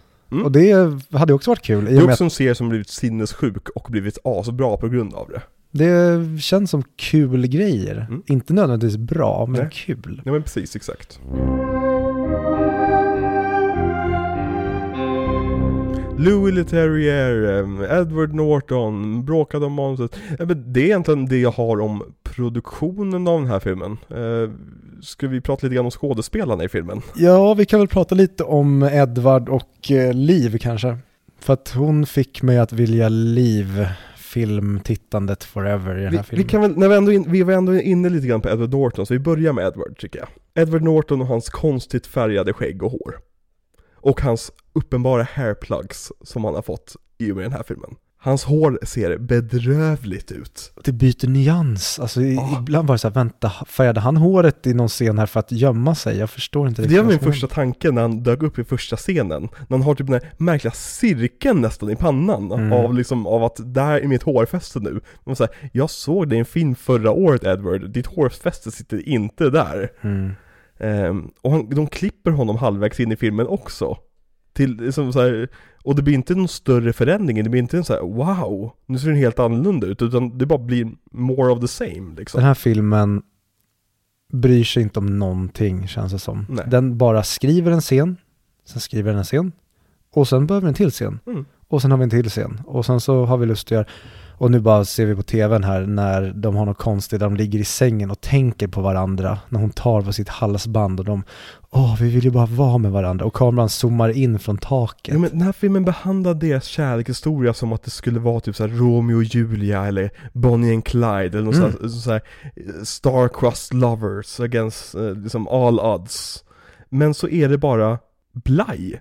Eller det är inte blaj ens, det är bara dåligt, man, man köper inte. Nej. Och mycket är ju på grund av Liv Tyler, skulle jag säga. Ja, hon...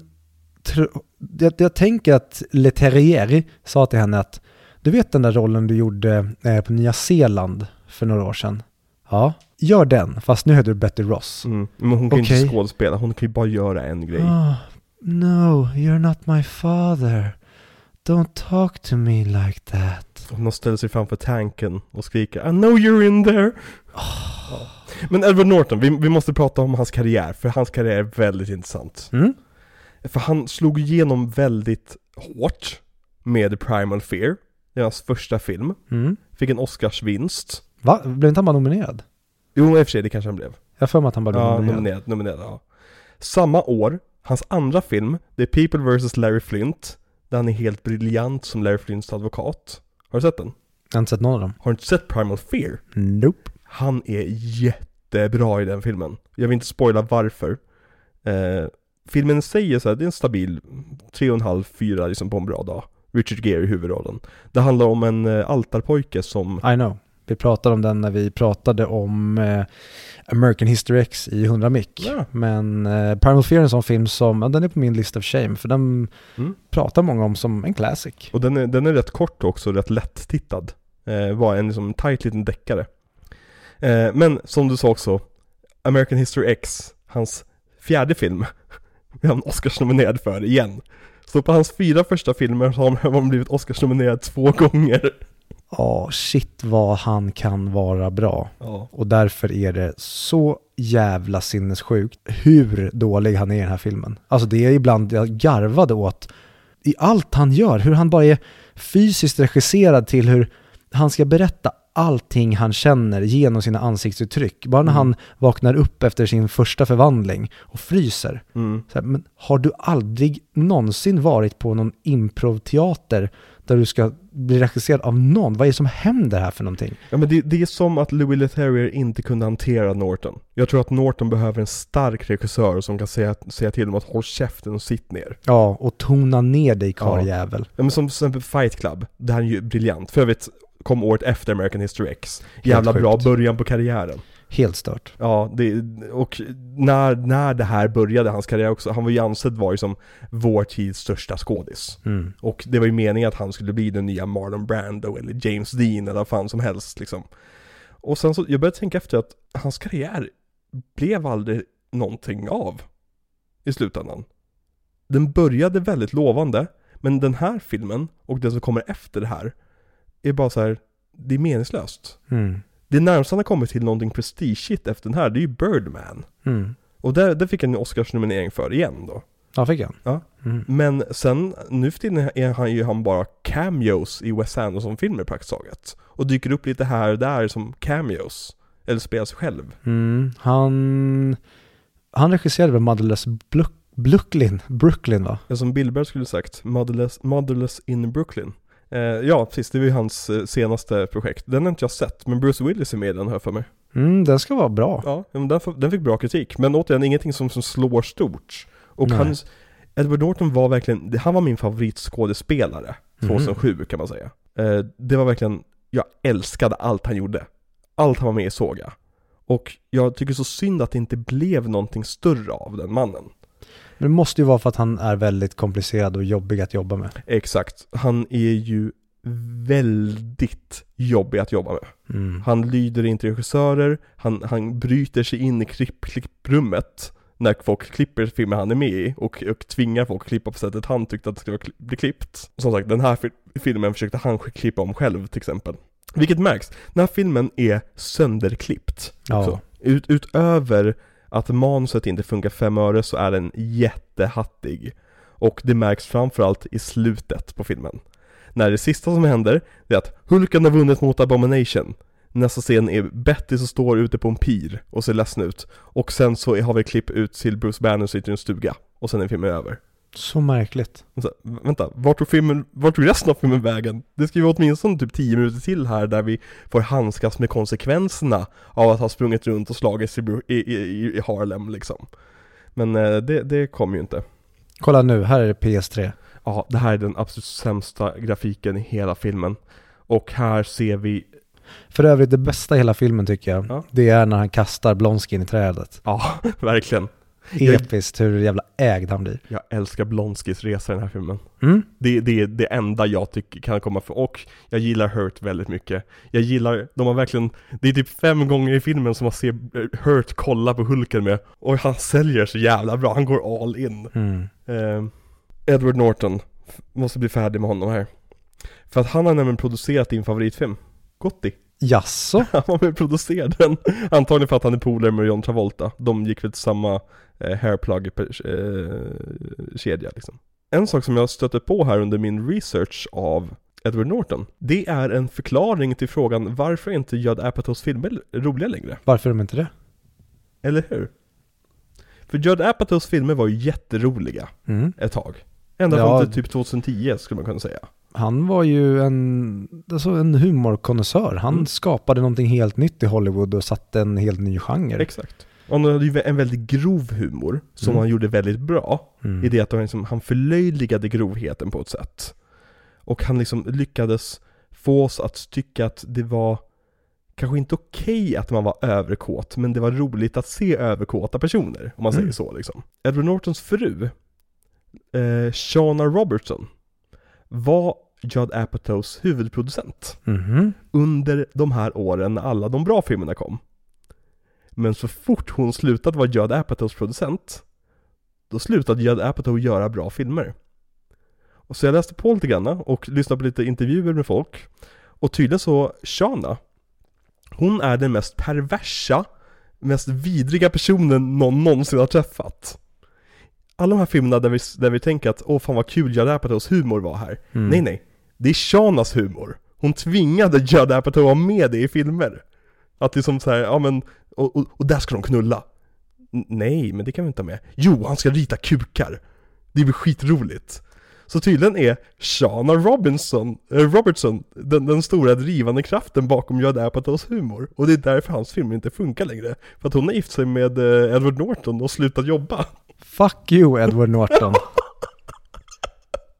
Och det är nog det skummaste rabbit holet jag hamnat i när jag kommer till research i podden. Vilken intressant kvinna det här verkar vara. Ja, jag blev jättefascinerad av henne när jag läste på lite grann.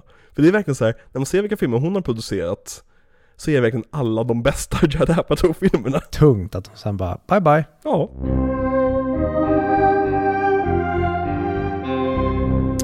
Men ska vi prata lite grann om Liv Tyler där borta? Mm, jag tycker inte vi behöver göra en genomgång av henne egentligen. Nej, utan hon är ju känd för Och vara dålig. Lord of the Rings. Hon, hon är ju Steven Tylers dotter. Ja, det är väl därför hon kanske har kommit in på ett bananskal Ja. någonstans. Hon visste ju inte att Steven Tyler var hennes farsa förrän hon var tio år gammal. Är det sant? Hennes morsa är Playboy-modell och Jaha. levde med en musiker som heter Todd Rundgren. Mhm. Som är då eh, mannen bakom Utopia, som är ett jättebra proggband. Eller progressiv rockband. Men jag säger progg för att vi, vi är i Sverige. Eh, och hon trodde att han var hennes pappa. Eh, men tydligen så hade hennes mamma haft en, en affär med, med Steve Tyler under en helg när Todd var bortrest. Eh, så visade det sig att eh, Steven Tyler var egentligen hennes riktiga pappa. Kul då att hon tar hans efternamn. Hur närvarande var han i hennes liv? Inte alls, han var jättehög. Alltså, fatt, fattar du hur det känns för Todd? Alltså min, min dotter är inte min dotter, och inte bara det, hon byter sitt namn från, hon heter egentligen Liv Rundgren. hon är ju döpt efter Liv Ullman. Jaha. Så hon, hennes namn uttalas ju egentligen Liv, inte Liv. Leave me. Som Denethor sa. Leave now and never come back. Gud vad de pratar om henne i den här filmen. verkligen. Men ja, alltså vad ska man Hon är säga? jättedålig. Hon- Jag har aldrig sett henne i en bra film. Eller jo, det har jag. Men jag har aldrig sett henne vara bra i en bra film.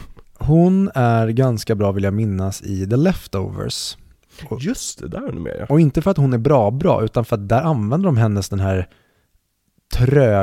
trögsöligheten på ett väldigt bra sätt. Hon är en obehaglig liten sektledare. Mhm, Jag har inte sett Leftovers. Top class-serie. Väldigt, väldigt bra. Ehm, men ja, Liv Tyler, hon, eh, hon funkar ju i Sagan om ringen för att där är det en helt annan typ av kaliber som krävs och hon är drömmig som hon bara verkar kunna vara och det Mm. funkar skitbra som arven. Och det här är så, in- för, förlåt att avbryta, men nu blir det natt. Och jag har sett i filmer tidigare, när det är dag, dagtid och sen blir det natt helt plötsligt. Men jag har aldrig sett övergången hända framför våra ögon. Nej, Du såg att det var ljust och så blev det mörkt. det var under- jättemärkligt. Ja. Och här tänkte man, ja hon är väl död, igen. Mm.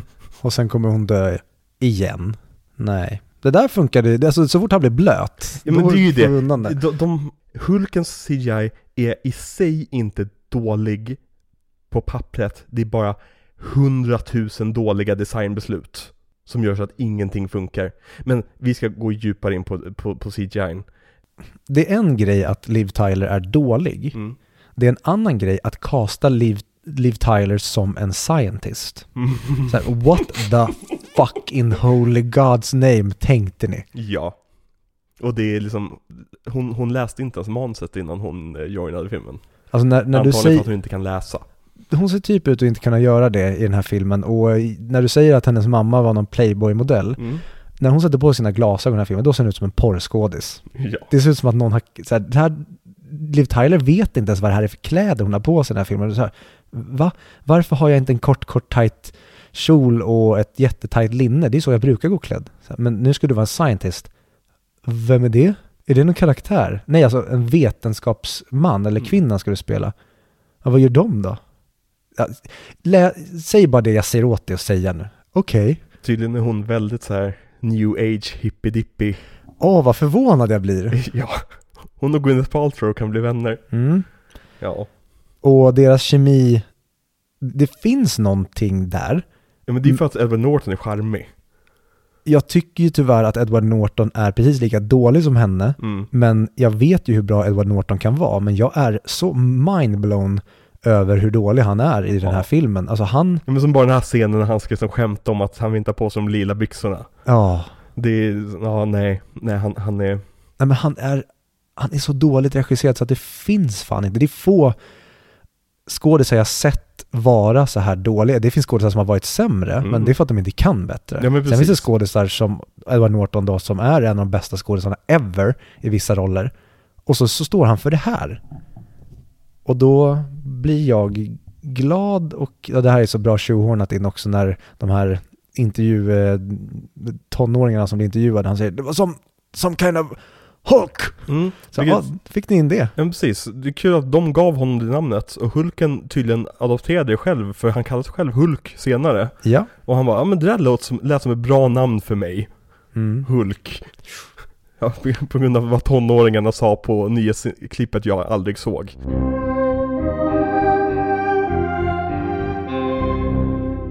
Men effekterna. De är, alltså att den här inte blir Oscarsnominerad för bästa specialeffekter är beyond me.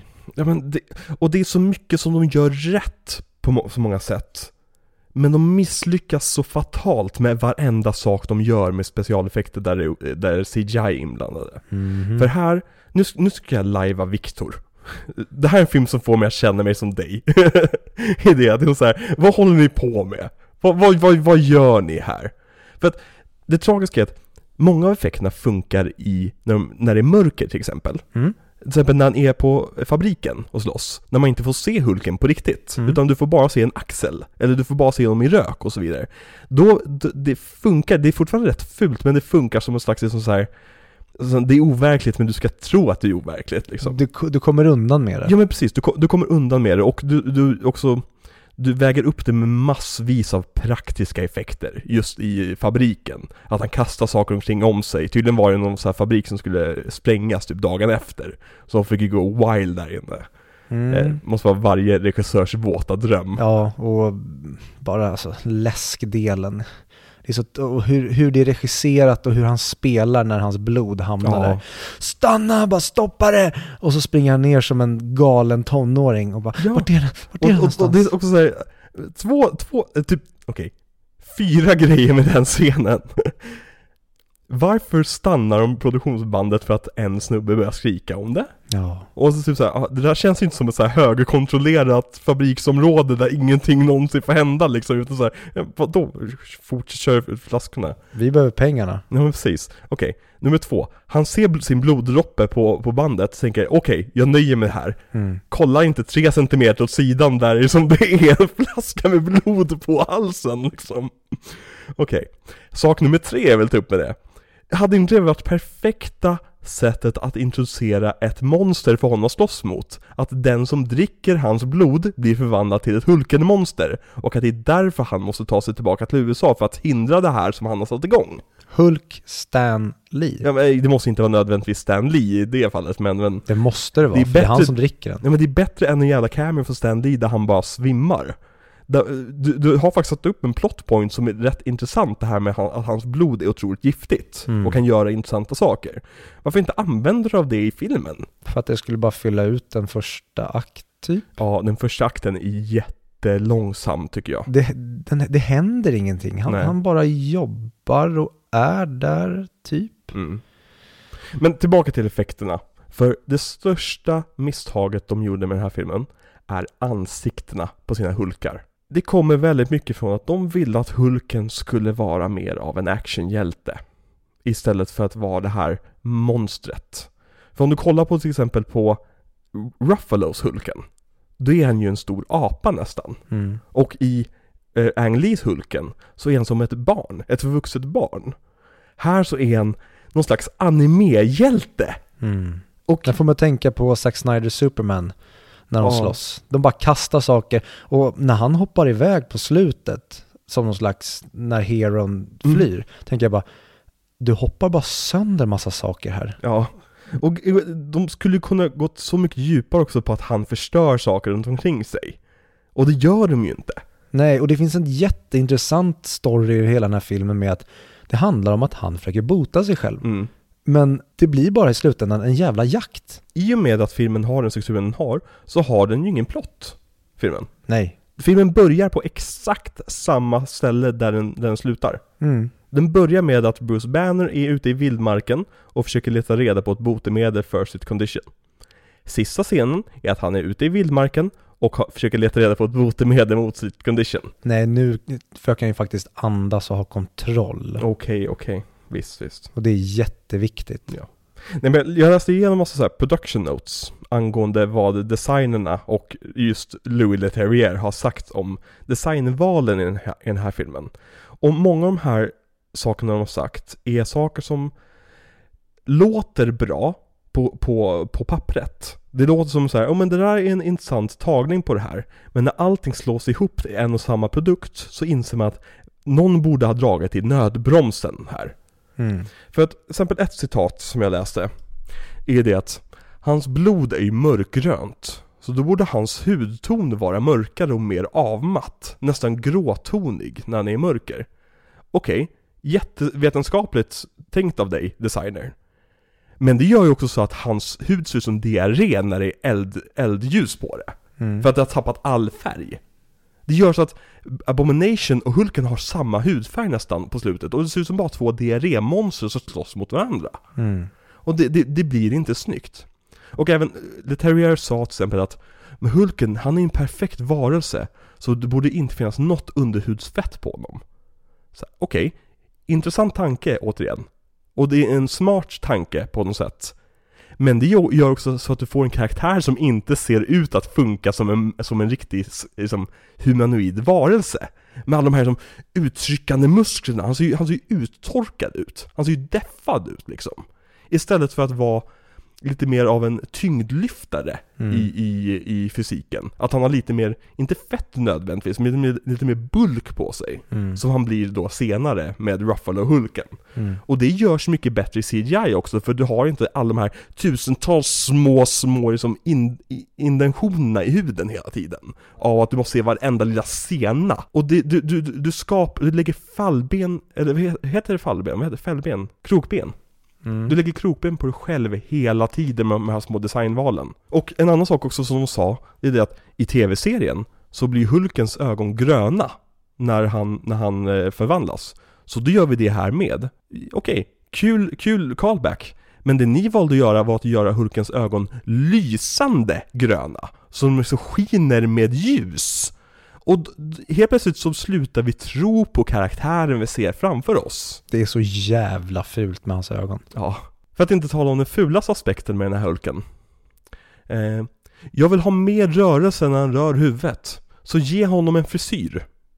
I ett citat. Så han har den här jävla animefrillan. Så, återigen, de försöker göra honom till en snygg hjälte på något sätt. Istället för att få det här monstret som vi är lite rädda för. Och det är där, vi kommer prata mer om det när vi pratar Avengers, men jag tycker de verkligen lyckas med Hulken där, att man är rädd för Hulken. Hulken är obehaglig. Det finns någonting väldigt, väldigt läskigt med den här okontrollerbara muskelkraften som kommer springandes mot dig liksom. Och det, den rädslan finns inte här. Här så blir vi bara glada när han blir Hulken. Även fast hela filmen handlar om att han inte vill bli Hulken. Ja, jag vet inte, jag, vad jag minns, jag tycker inte de får till det i Avengers liksom senare i MCU heller. Men jag tycker det är en så himla missed opportunity. Varför inte göra honom, framförallt praktiskt kanske inte hade gått, men gör honom mer obehaglig. Mm. Alltså vi ska inte känna när Liv Tyler vaknar upp på honom att ja, hon Hulken kanske hade sex den här natten för att han är ju ganska sexig ändå. Mm, Han ja, är, en, han är ju en cool snubbe som står och skriker mot blixten. Det ska bara kännas som att hon ska vara på riktigt rädd bara över hur han ser ut. Alltså typ nästan en Quasimodo-karaktär som så att, se inte på mig, jag är hideous. Mm. Ja, du är fan hideous. Mm. Men där bakom, under, finns den riktiga Bruce. Ja, han, han ser ut som en överdesignad Rob Liefeld-karaktär. Om du minns Rob Liefeld som vi pratade om förra veckan. Han eh, serietecknaren skulle göra allting extreme. Ja men när Captain Americas America. pattar var Ja enorma. men precis. Är samma typ av ansikte om du minns den karaktärens ansikte. Mm. Att det är sån här över, överdimensionerat vackert ansikte. Mm. Mm. De har, gjort, de har gjort Hulken vacker. Och här har, har vi filmens MVP i mina ögon. Ja, jag håller verkligen med. Tim Blake Nelson stjäl showen som den här lite galna vetenskapsmannen Ja. som han vill ju hjälpa honom Mm. men han vill göra så mycket mer när han förstår vad det går att göra sen. Han har ju ambitioner Mm. och inte så mycket etik. Och det gör, det gör en väldigt intressant karaktär. För att han är ingen skurk i det att vi tycker illa om honom. Nej. Utan det är bara det att han är väldigt intressant. Mm. Väldigt mycket gråskal över den karaktären. Mm. Och det är något som filmen saknar.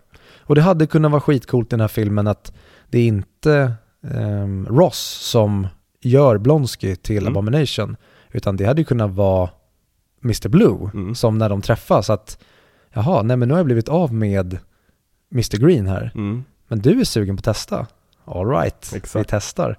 Men jag tycker dock att hela grejen med Blonsky och Tim Roth genom filmen, att det här, att han begår fler och fler experiment på sig själv för att kunna keep up with the Hulk. Mm. Det är väldigt intressant. Mm. Och det, filmen spenderar ju mer tid på hans inre kval om det här, än vad den gör på Bruce Banners inre kval om någonting, skulle jag säga. Ja, för jag tycker filmen ibland pendlar över till att det är Blonsky vi ska heja på. Att Ja. vi nästan vill att han ska hitta Hulken och få möta honom. Ja, precis. Jag, jag tänkte ju inleda det här avsnittet med att säga Idag ska vi prata om en film där, som handlar om en, om en man som em, har så mycket känsla för som att, att rädda sitt land och att, och att besegra monster och så vidare. Att han, han begår massa experiment på sig själv eh, för, för att, och, och bli starkare och mer och, och släpp, råka släppa kontrollen på det. Eh, och hans stora fiende heter Bruce Banner. Mm. För det är ju verkligen att, att, att i- Emil Blonsky liksom nästan, om man, om man jämför med det Hulken gör och det Abomination gör, så är de ju lika stora kålsupare nästan. Ja. Och det är såhär, varför ska vi heja på Hulken? Eller varför ska vi heja på Bruce Banner när vi inte ska heja på, på Blonsky? Nej, det, egentligen det enda jag sympatiserar med Bruce Banner här är att låt snubben vara i fred. Ja. Han försöker ju bli av med det här. Det är det bästa med Hulken-karaktären, just det här 'Leave me alone' Ja. Att han bara vill egentligen, han vill inte slåss, han vill inte banka, han vill bara sitta ensam i en grotta någonstans Mm. Och det är nog det bästa med Ang Lee-Hulken, om- när jag minns tillbaka på den Att det är verkligen mycket känslan där Mm. Att liksom såhär, lämna mig i fred snälla det är, som, det är som att han, han har en migränattack och ingen lämnar, och ingen som kan låta honom lägga sig ner liksom. Men Den här scenen, när vi ändå var inne på effekterna lite grann Jag tycker den här scenen är jävligt snygg stundtals Mm, precis, stundtals. Den håller i vissa, vissa, vissa delar och sen i vissa delar så blir den bedrövlig. Ja, men det märks verkligen att de har lagt ner krutet mycket i den här scenen för att man ska köpa förvandlingen. Mm. Och det, det uppskattar jag. Det är eh, bra CGI i många bitar där också. Mm. Jag gillar det här labbet. Sen Mm. vet jag inte riktigt vad jag tycker om att han måste sparka på saker för att det ska funka. Det är lite kul för att få både Bettys och eh, Bruce tvivel på om det här kommer funka. Ja. Och där lyser ögonen. Men jag har inga problem med att ögonen lyser på Banner. Men Nähä. det borde inte lysa på Hulken. Nej, Okej, jag har problem med att ögonen lyser. Om, man nu hade velat gå mer i MCU-style som vi har Mm. fått se i Iron Man, för nu tänker jag det som uppföljare, Mm. att den ska vara med i MCU. Det här är skitsnyggt när Mm. han ja, men håller på att transformeras. Och här går vi över lite för mycket till Precis. Uncanny Valley. Men det handen börjar bra. jättesnygg. Mm, som fan. Men jag hade velat ha mycket mer här smink, att det blir mer den klassiska werewolf-grejen. Mm. Och här har vi hans ansikte och här har vi helt och hållet tappat allt. Mm. Men med ögonen, jag hade bara velat ha gröna linser. Mm. Att du behöver inte ha det räckt. lysande. Vi ska bara se att någonting har förändrats. Gör Bruce Banners ögon till en nyans först då, som tydligt är skillnad från hans Mm. gröna som blir sen. Men, Men just när det blir som nästan, vad heter det, Cyclops-lysande, då tycker jag nej. Mm. Och det gröna i ögonen funkar inte alls effektmässigt. Nej men och de också, de har en märklig relation med vad det är som lyser i den här filmen. För hans blod lyser också lite granna i vissa scener, när han öppnar sår. Det är som, jag vet inte om det är för att den som satte highlights, alltså ljusgrejer på det, att de misslyckades, men det ser verkligen ut som att det är självlysande Mm. i hans sår. Den känns schizofren för jag tycker det är, alltså Hulkens nyans är olika i, från bild till bild. Det Ja. känns inte som att de riktigt vet vilken färg han ska vara. Nej. Och det är så skönt att de omdesignade Hulken inför Avengers. Mm, verkligen. Det är av de, ut, utöver att de slutade färga Chris Hemsworth, Hemsworths ögonbryn, eh, så är det nog det största designvalet som räddade Marvel. Ja, och jag sörjer ju verkligen att de inte hade castat Mark Ruffalo redan här. Ja. För jag tror att han hade kunnat rocka det här mycket, mycket bättre. Det hade till och med kunnat, filmen hoppar upp ett snäpp bara av att han hade Mm. spelat Bruce Banner. För jag tycker att Edward Norton, Det här är så jävla bra när de upptäcker hans hemliga labb liksom, han har gjort det mest förbjudna enligt Bruce Banner, som återskapat hans blod.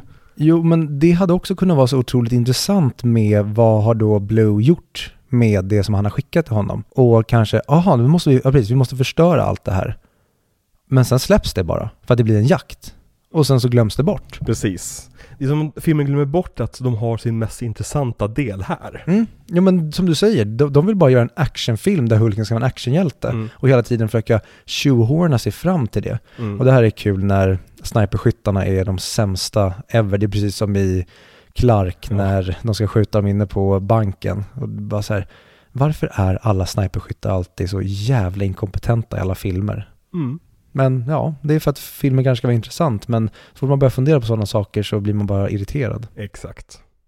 Men eh, Tim Roth, vad tycker du om honom i den här då? Jag tycker han funkar kanon. Ja. Sen är inte han, också, han är inte heller jättebra regisserad, men han sköter sig själv mycket bättre än vad de flesta andra gör. Ja, men han har ju någon slags liksom, grundskådiskvalitet i sig. Som det, han kan aldrig vara dålig.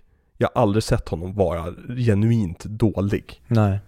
Ehm, och han är ju mest känd liksom från Tarantinos filmer. Mm. Kanske typ Reservoir Dogs eller Pulp Fiction. Eh, men han, är också, han skulle ju varit med i Once upon a time in Hollywood. Mhm. Eh, men han blev ju bortklippt. Jaha, Det är synd. verkligen. För han, han är alltid en hö, höjdpunkt när han dyker upp i filmer, Mm. tycker jag. Eh, och han blev Oscarsnominerad för eh, Rob Roy med eh, Liam Neeson huvudrollen. Jaha. Någon sån här skotsk eh, Swords and Sandal historia. Från när då? Eh, så 94 tror jag. Okej. Det finns en jätteball sekvens när de två har sin fäktningsduell på slutet. Och det är verkligen det är så verkligt fäktande, för de kör med värjor ju. Mm. Och med en värja, då, då vinner du inte genom att sticka eller att, att hugga. Utan du vinner genom att ge din motståndare tusentals små cuts över kroppen. Mhm. Tills de inte orkar längre. Och hela den, hela den scenen bara, man ser hur de blir tröttare och tröttare och tröttare. Eh, jättebra scen faktiskt. Vi Mm. borde nästan se Rob Roy någon dag. Kul film. Men han är också, han är också med i Planet of the Apes. När han spelar eh, General Thade. Just det. Den, och jag, jag vill se om den snart, men jag vet att den är bedrövlig. Men den ser ju för gorgeous ut den filmen. Mm. Och speciellt eh, General Thade. Han, han ser ut som en, som en, prak, alltså en bokstavlig schimpans som springer runt. Och han spelar ju över som satan i den rollen. Men det är också meningen att han ska vara den här som apan. Nej, men han är ju läskig. Han är jätteläskig och han, han Ja, nej gud, jag, jag kan inte ens tänka mig att det är Tim Roth bakom den makeupen. Nej, det syns inte. Nej. Nej, och liksom hur han går fram och liksom sniffar på folk och grejer, det är så, åh, jag älskar Tim Roth i den filmen. Mm. Och han representerade ju den här rollen som Abomination i Shang-Chi. Och han kom också vara med i She-Hulk. Mhm. Han var med i trailern. Eh, såg man honom sitta i någon cell. Jag, Ja, misstänk, just det. jag misstänker att det kommer vara så att typ, eh, i och med att She-Hulk är eh, superhjälteadvokat. Eller liksom, ja, superbeing. Så Mm. antar jag att hon kommer kanske försvara honom. I och med att han egentligen, egentligen är ett oskyldigt offer för eh, USAs liksom, manipula- genmanipulation liksom. Mm. Ja, man skulle ju kunna claima det i alla Ja fall. men precis, exakt. Jag tror att det är det som kommer vara grundkonflikten i, i storyn. Det är ju väldigt intressant att de håller det till något sånt och inte Mm. att det blir eh, Beam bråk. in the sky. Mm, precis. Sen ska vi inte ropa hej för tidigt. Nej. Men Tim Roth tyckte i alla fall väldigt mycket om att spela just monstret Abomination. Mm. Han tyckte det var väldigt roligt med motion capture och allt sånt där. Eh, däremot han inte tyckte om, det var att jaga Banner i början av filmen. För att hans karaktär skulle ju vara gammal och trött. Så han förbjöds från att träna. Så han var alltid utmattad och andfådd i, i, i typ de första, det första halvåret av inspelningar. Fick alltid stå där och vara, stå- flåsig. Så han sa att det var den sämsta inspelningen han någonsin varit på. Men så fort jag fick börja spela The Abomination, då var det skitroligt. Det måste vara så roligt att spela en sån, en, en skurk. Ja, och få ta i Mm. och vara om då, jag ska döda dig. Det Precis. måste vara så jäkla kul att få göra. Ja. Vad, men, vad, vi var inne lite kort på det tidigare. Vad tycker du om William Hurt i den här filmen? Så helt okej, men hur de bara skriver, alltså Ross tycker jag är skit. För han gör samma sak om, han är dum i huvudet. Nu gör vi det här. Ja, det funkar inte. Jag Nu gör vi samma sak igen. Jag ska säga när han tvingar en, en, soldat att avfyra ett, ett maskingevär rakt in i en bostadsbyggnad. Ja.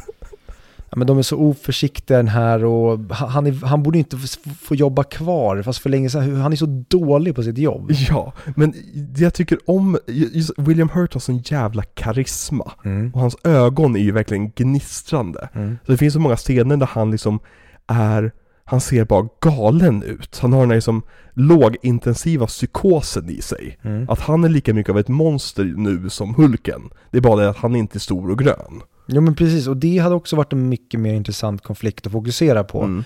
Hur de då kanske startade det här tillsammans och sen så tog de bara olika vägar. Att han vill fortfarande weaponize det här Precis. och jaga ner honom och använda honom. Men Bruce tycker att nej, det här är för farligt. Mm. Men det nämns bara i förbifarten. Exakt. Hur han liksom inte kan sluta experimentera också. Mm. Jaha, Blonsky, är taggad? Precis. Let's do it man. Låt oss göra samma sak igen. Mm. Hoppas på att det kommer funka bättre den här gången. Ja. Men däremot, jag gillar att, att de tog tillbaka Ross i eh, Civil War. Mm. Att han liksom, de, de sållade sitt karaktärsregister bara, vad är Ross?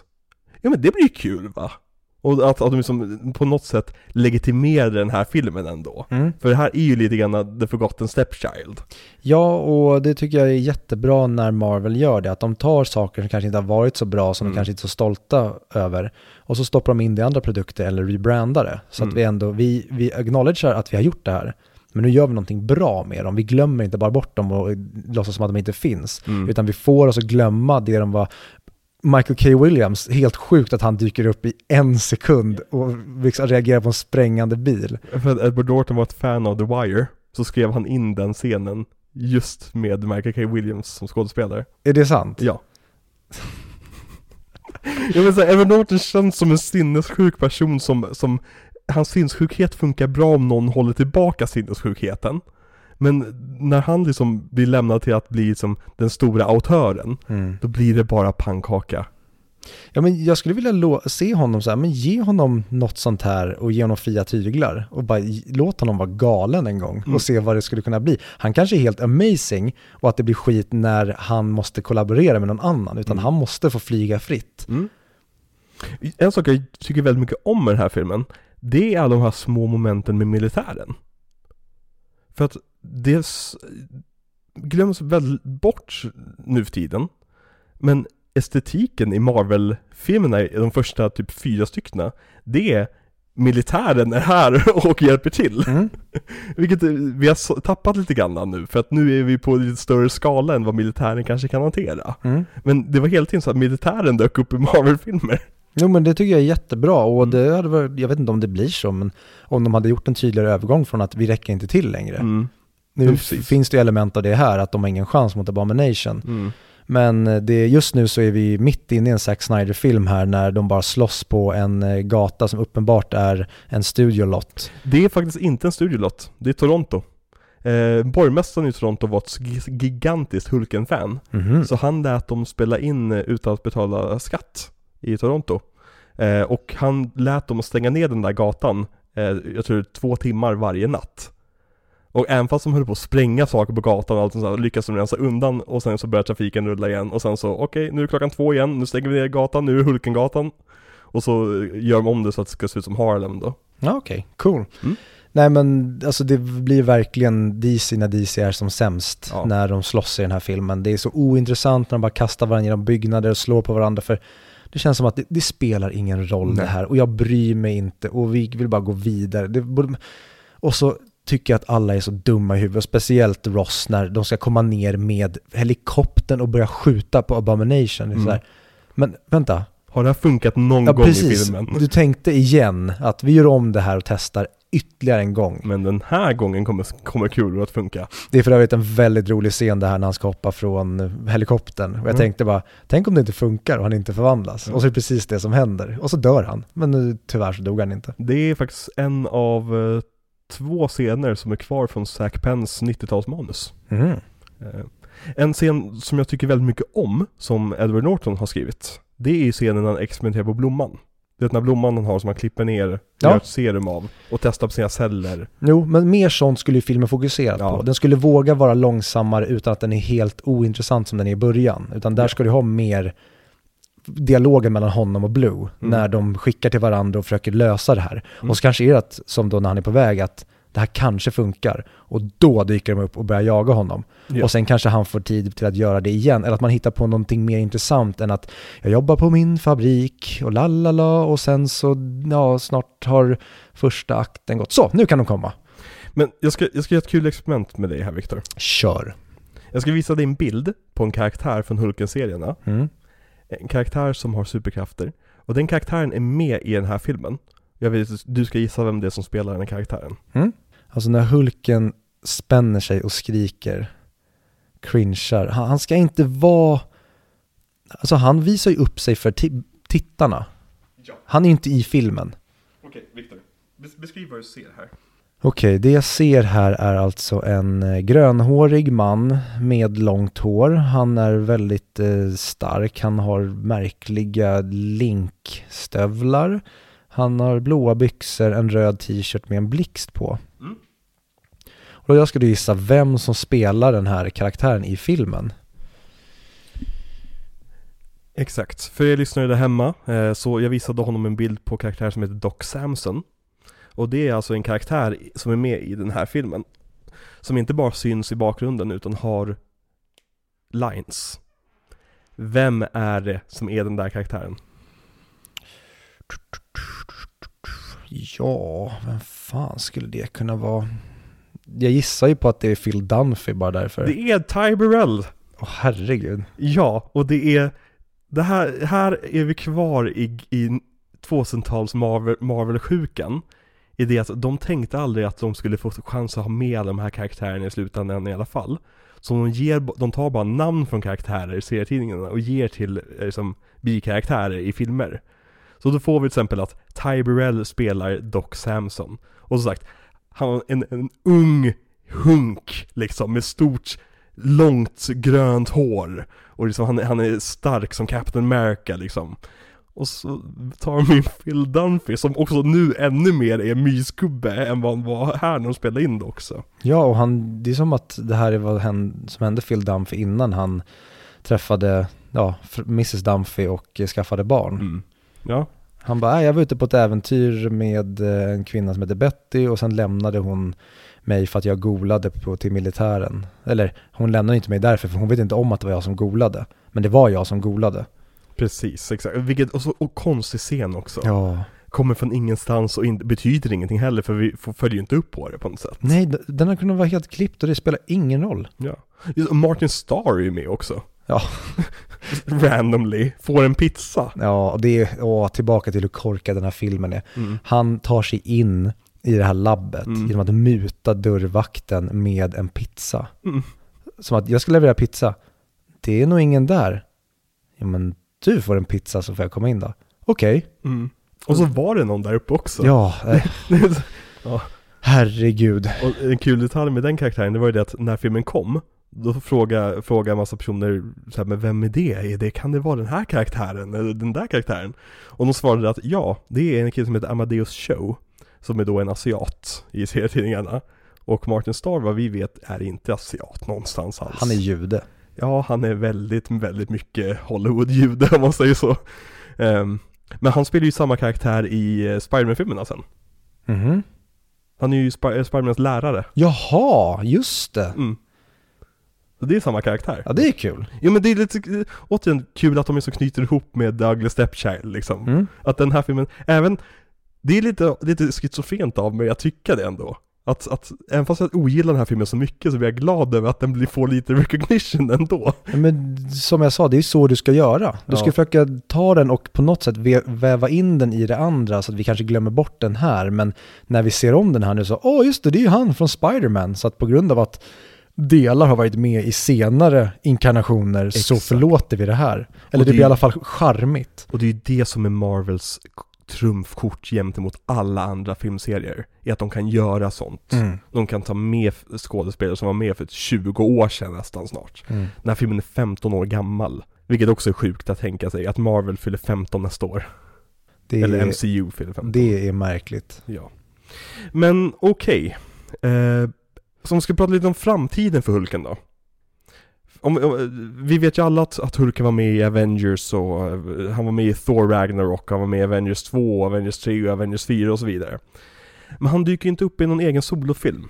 Nej, Det kommer ju ingen ny Hulken-film, vilket kan vara konstigt för Hulken är ju en jättepopulär karaktär idag. varför var det så? Det handlar om hur distributionsavtalet med Universal ser ut. det är så här, vi har kommit till den här nivån i popkulturen att man börjar prata om hur avtalsstruktur ser ut. Och alla vet om hur det här ser ut också på ett sätt. Liksom med Fox var det mer känt, och med Sony är det ju mer känt hur det ser ut. Men Universal har också en väldigt märklig avtalsstruktur. Och det är att, det är att de äger distributionsrättigheterna till Hulken. Om det ska vara en singelfilm med Hulken, där Hulkens namn finns i titeln, då ska Universal distribuera den och få en del av kakan. Det är så avtalet ser ut. Mm. Men man tänker ju också att de har ju använt honom i andra filmer. Ja, det är för att det går utanför det avtalet. Ja, men som Thor Ragnarok. Exakt, de äger fortfarande karaktären Hulken. De kan ha med Hulken i filmer och i serier, men de får inte göra en, ett Hulken-projekt utan Universals godkännande. Men Disney är ju det rikaste företaget på planeten. De kan köpa vad de vill, de kan övertala folk till att göra vad de vill praktiskt taget. Så tänker man, varför har de inte bara gjort processen kort med Universal? Varför har de inte bara gett Universal den här, jag vet inte, 50 miljoner dollarna så får man använda Hulken hur mycket de vill? För att de skulle uppenbarligen tjäna pengar på att göra en Hulken-film, eller hur? Mhm. Ryktet säger att det beror på att Disney även vill köpa tillbaka sina nöjesparksrättigheter från Universal. Och att de håller på att försöka samla ihop ett paketavtal. För att det är svårt att göra en deal, och sen en deal till, och sen en deal till, istället för att bara ha en stor deal. Mm. För att, har du varit på Universal Studios? Mm, nej. Nej. De har fram tills i år faktiskt haft lite av ett så Marvel-land där. Med en Spider-Man rollercoaster och framförallt en jättekänd rollercoaster som heter The Incredible Hulk. Så därför har Marvel inte köpt tillbaka rättigheten än, för att de väntar på rätt tillfälle att kunna få tillbaka hela kakan också. Mhm. Så det är varför vi inte fått en ny Hulken-film. Det är på grund av eh, berg dalbanor. Och hur funkar det med She-Hulk-serien då? Det är inte Hulken. Okej, så det är bara han alltså? Ja. Mhm. Inte hans, inte hans liksom galleri av karaktärer. Men Spiderman så är det tvärtom. Där är hela galleriet. Ja, okej. Men kan de inte göra Hulken till en transa då, så att den heter Hulky och sen så i första scenen av filmen så går han från kvinna till man och så är han Hulken? Du skulle säkert kunna komma runt det. Men då skulle filmen bli cancellad istället. Ja, men jävla bra reklam. Ja, verkligen. Ja, Så, där har ni det Disney och eh, Universal. Jag har löst eran beef. precis exakt. Gör Hulken till en transa i de första fem minuterna av filmen. Och sen så byter han tillbaka. Ja, och så kan Taika Waititi regissera och så börjar han som strippa, eller hon som strippa och sen känner hon att nej, jag känner mig inte som rätt person i den här kroppen, nu ska jag bli man. Så kan Hulken ha trekant med Tessa Thompson. De hade ju lite av en, av en grej i eh, Ragnarok ju. Ja, men det är perfekt. Valkyrie och Hulken. Ja. Ja. Det kanske är det att han, hon upptäckte att jag är ju kär i Valkyria, Mm. så, men jag är ju inte lesbisk, så att jag byter kön så att jag är straight och då kan jag vara ihop med henne. Exakt. Så, där har jag plotten till filmen. Precis, exakt. Victor borde få skriva alla Marvel-filmer framöver. Mm. Åh nej, gud jag typ mådde illa lite grann av att säga det. Gud, det skulle bli It's Always Sunny in Philadelphia fast med Marvel-karaktärer. Allting skulle gö- göras med praktiska effekter Ja. och alla skulle dö i varje film för att det behövs mörker och som Hulken skulle bli våldtagen av General Ross på, på som operationsbordet och Iron Mans däck skulle malfunctiona och hjälmen skulle sprängas typ och ja, Jag, skulle, jag ska göra den sista Marvel-filmen där all, alla dör. Jag menar den som de gör innan de slår ihop Marvel med eh, Star Wars. Ja. Och sen vaknar alla upp i Star Wars och är helt plötsligt eh, Jedi Knights. Det var bara en dröm. Mm.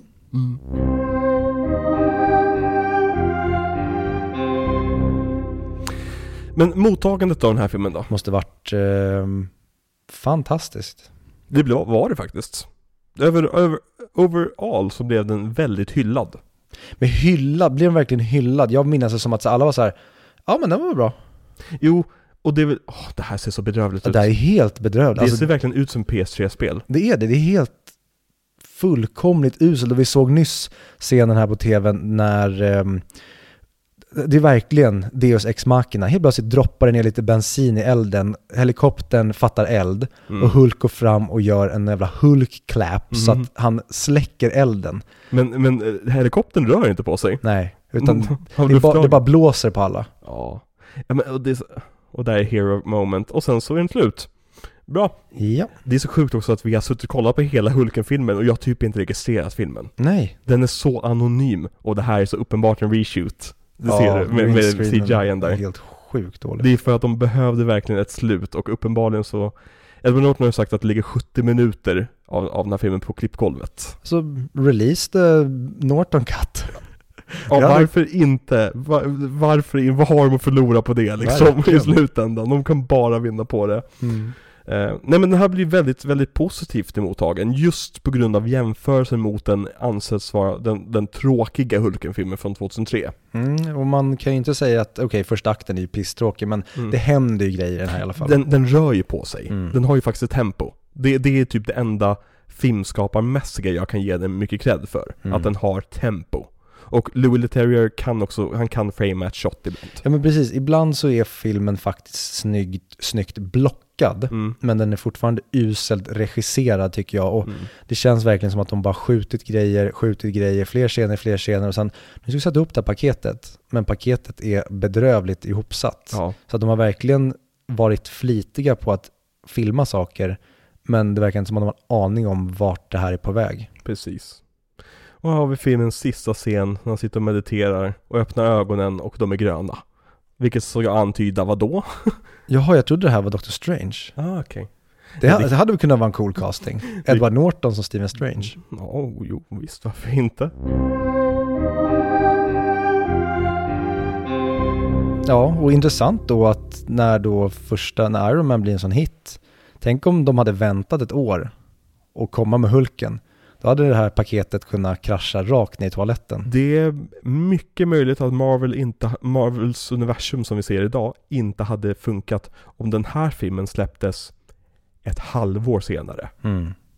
För i och med att den kom samtidigt som Iron Man så kunde man se det som ett litet paket snarare. Mm. Att du fick det här grymma, superbra super, superhjältefilmen med Iron Man. Och så fick du hans lillebrorsa också.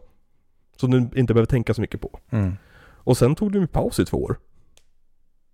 Vilket idag känns jättemärkligt men i normal filmbusiness är jättenormalt. Och sen kommer Thor. Nej. Sen kommer Iron Man 2. Ja just det, sen kommer Iron Man 2. Jag trodde att du skämtade nu för det har blivit en grej typ att du tror att nästa film är Thor hela tiden. Jag har ingen aning om ordningen på det här. Ja.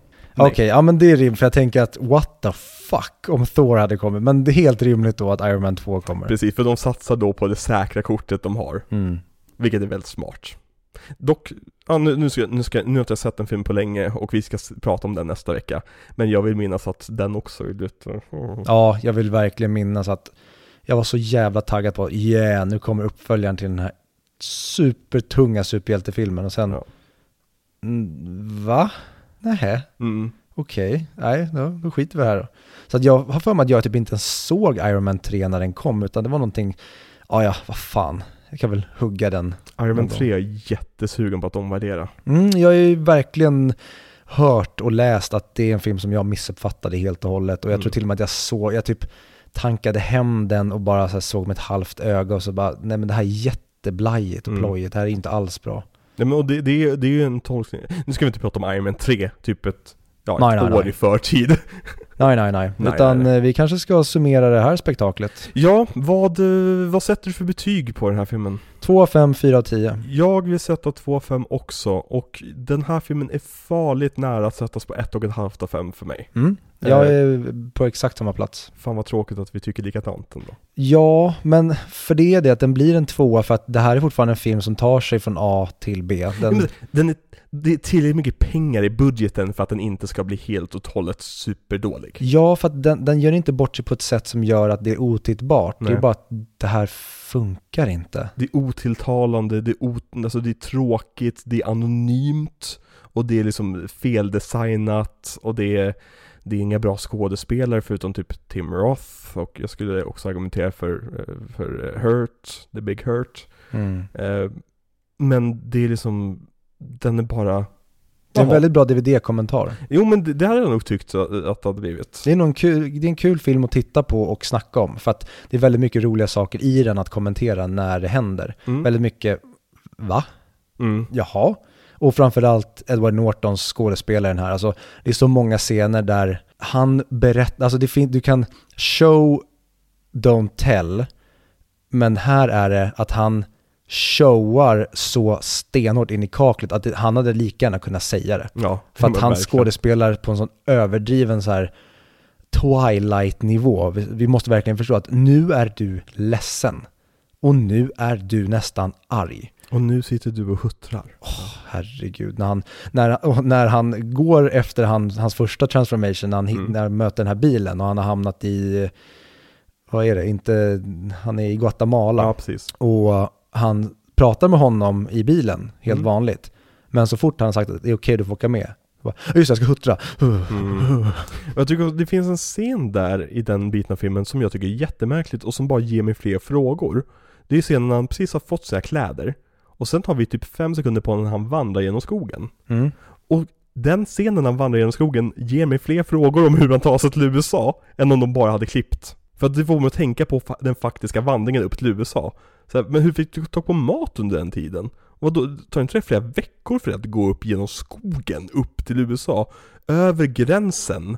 Och sen så typ, det det ser nästan ut som östkusten som de är på. Ja, det är jättemärkligt och varför behövde han sitta och tigga ett tag innan han kunde göra vandringen? Var Ja. det bara för att han skulle bli pigg igen eller? Det är som att han väntar på en väldigt specifik mängd pengar och de, Ja. den mängden pengar kan ta honom vidare liksom. Det är som ett spel. Ja, men exakt, Du exakt. får inte ta dig igenom den här porten förrän du har samlat så här många coins. Men vi måste ju också prata om hans pulsklocka och hur, han, hur Hulkens villkor funkar i den här filmen. Ja, För det precis. är väldigt märkligt att han kan alltså ha sex med Betty Ross och blir för exalterad och då blir han Hulken. Det handlar alltså inte om när han blir förbannad eller skrämd till att liksom få ett rage-attack. Ja men och de, de pratar om det som att det vore som ett konstant liksom, vid den här siffran Ja, bryts det. Och det är så här, ens puls när man har sex är inte så pass hög som den, alltså 200 slag per minut som de satte i filmen som gränsen där han hulkar ut. Så, så, så hårt slår inte hjärtat under sex faktiskt.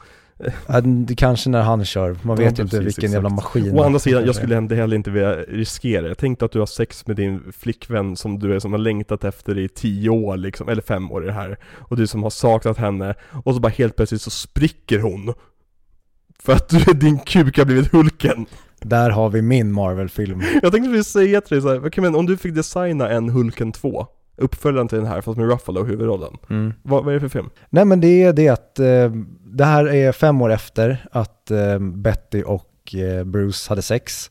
Och han råkade döda henne. Är det därför hon inte är med i fler Marvel-filmer? Precis, och han går runt och ser väldigt bekymrad ut som han gör i Marvel-filmerna. Ehm, Mark Ruffalo, lite så Så här, hängigt ansikte Ja, också så här, va, va, va, va? Var, vart är jag? Var, var, varför säger du så för? Och så är det det, han ska hantera sorgen och så ska han på något sätt försöka åka i the multiverse för att ta tillbaka henne. Men sen inser han att i alla universum så spricker hon. Och Det det, är väldigt kul, med tanke på vad, vad eh, Multiverse of Madness säger om drömmar mm. Så det är kul att Hulken dör jättemånga gånger i andra universum i den här filmen I alla gånger han har en dröm om saker, saker som exploderar på honom Eller typ en kulspruta som skjuter honom i ansiktet Där har vi det. Edward Norton spelar, jag kickar ut Ruffalo så tar vi in Edward Norton igen. Ja. Och han, eh, jag bara hittar på eh, storyn, sen får han skriva det. Så där har vi det. Men jag skulle vilja se en Hulken-film där vi är rädda för att han ska bli Hulken där det hela tiden finns den här risken av att du får inte bli Hulken här. Och så såklart, på slutet kommer han ju bli Hulken. Men Mm. jag tycker vi ska hålla på Hulken. Ge oss de, ska jag ha stora CGI-spektakel så använder jag hans skurkar för att göra istället. Ha en inledsekvens med kanske The Leader som experimenterar på människor. Tim Blake Nelsons karaktär. Om du vill ha lite action i början och i mitten och så vidare.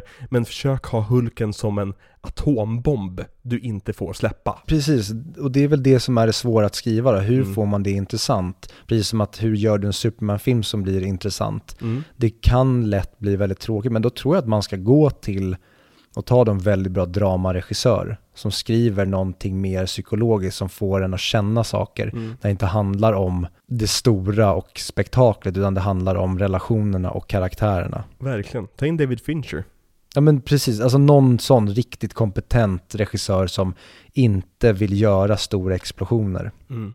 Men på tal om DVD-kommentarer som vi var inne på lite nyss. Mm. Eh, så har vi en hel del laddade snart för Patreonen. Mm.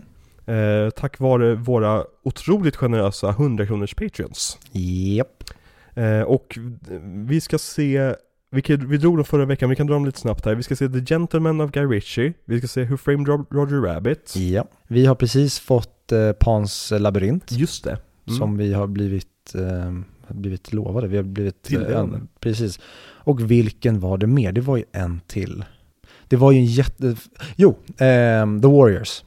Så Just det, just det, fan vad kul. Ja, Det verkligen. Det är, och det här skulle jag säga helt ärligt om det var någon som jag inte tyckte var intressant. Men Ja. alla fyra är filmer jag verkligen vill prata om eller DVD-kommentera. Precis, och jag tror att alla fyra också är bra DVD-kommentarsfilmer. I och med att det är några där som vi inte har sett där vi kan sitta och reagera på vad som händer. Och andra, till exempel Gentlemen, där är väldigt mycket roligt som sker hela Men tiden. jag tror att det är bara Roger Rabbit som har blivit tilldelad DVD-kommentar. Ja okej. Jag tror de andra inte är specificerade, så det får vi kolla. Ja, ni får jättegärna specificera vad, om ni vill ha DVD-kommentarer eller inte. Mm.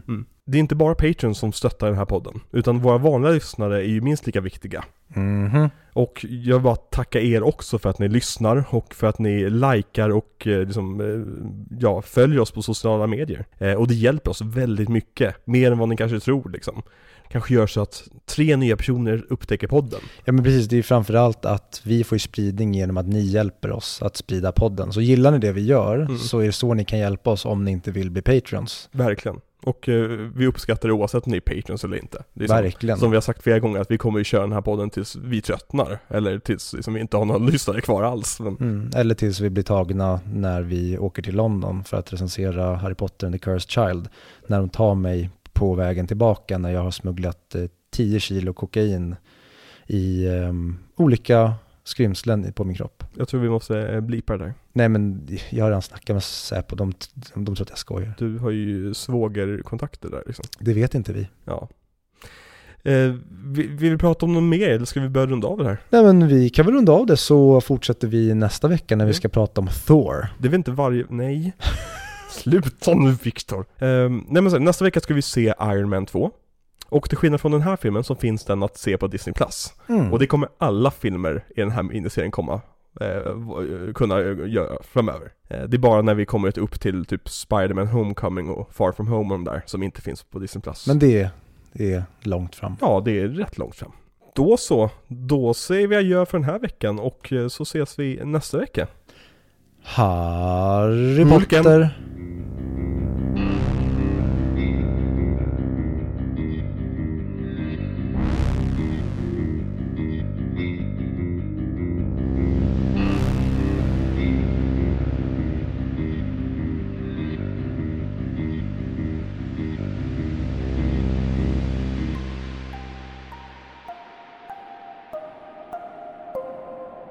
Men ska vi prata om filmens absolut sista scen då?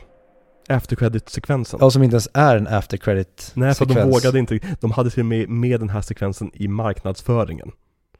De hade med det i trailers, varför att de, de vågade inte riktigt satsa på den här filmen, förståeligt nog. Och eftersom Iron Man bara en månad, tid, bara en månad tidigare hade blivit en sån gigantisk succé, så klippte de in bilder från det här i trailern. Fy fan vilken besvikelse när man ser filmen och så är det bara någonting som är helt frånkopplad på slutet. Verkligen. Och det var ju egentligen för att knypa ihop den här filmen med Iron Man som släpptes samtidigt. Så man ringde in Robert Downey Jr. som gjorde det här gratis, som en tjänst åt till Marvel. För han var så tacksam för att de hade återupplivat hans karriär. Mm. Eh, vilket jag blir lite, lite rörd över, för att nu, i dagsläget, hade du velat få med eh, Robert Downey Jr. på en sån här scen, då hade du fått ge honom typ 10 miljoner dollar. Ja. Men det var också ett väldigt smart knep för att knyta ihop två stycken marknadsföringskampanjer. För då när man har intervjuer om Iron Man, då kan man nämna Hulken. Mm. Och när man har intervjuer om Hulken, då kan du nämna Iron Man. Och eftersom de släpptes ungefär samtidigt, så var det väldigt, väldigt smart. Eh, men rent storymässigt så är det där rent nonsens ju. Mm.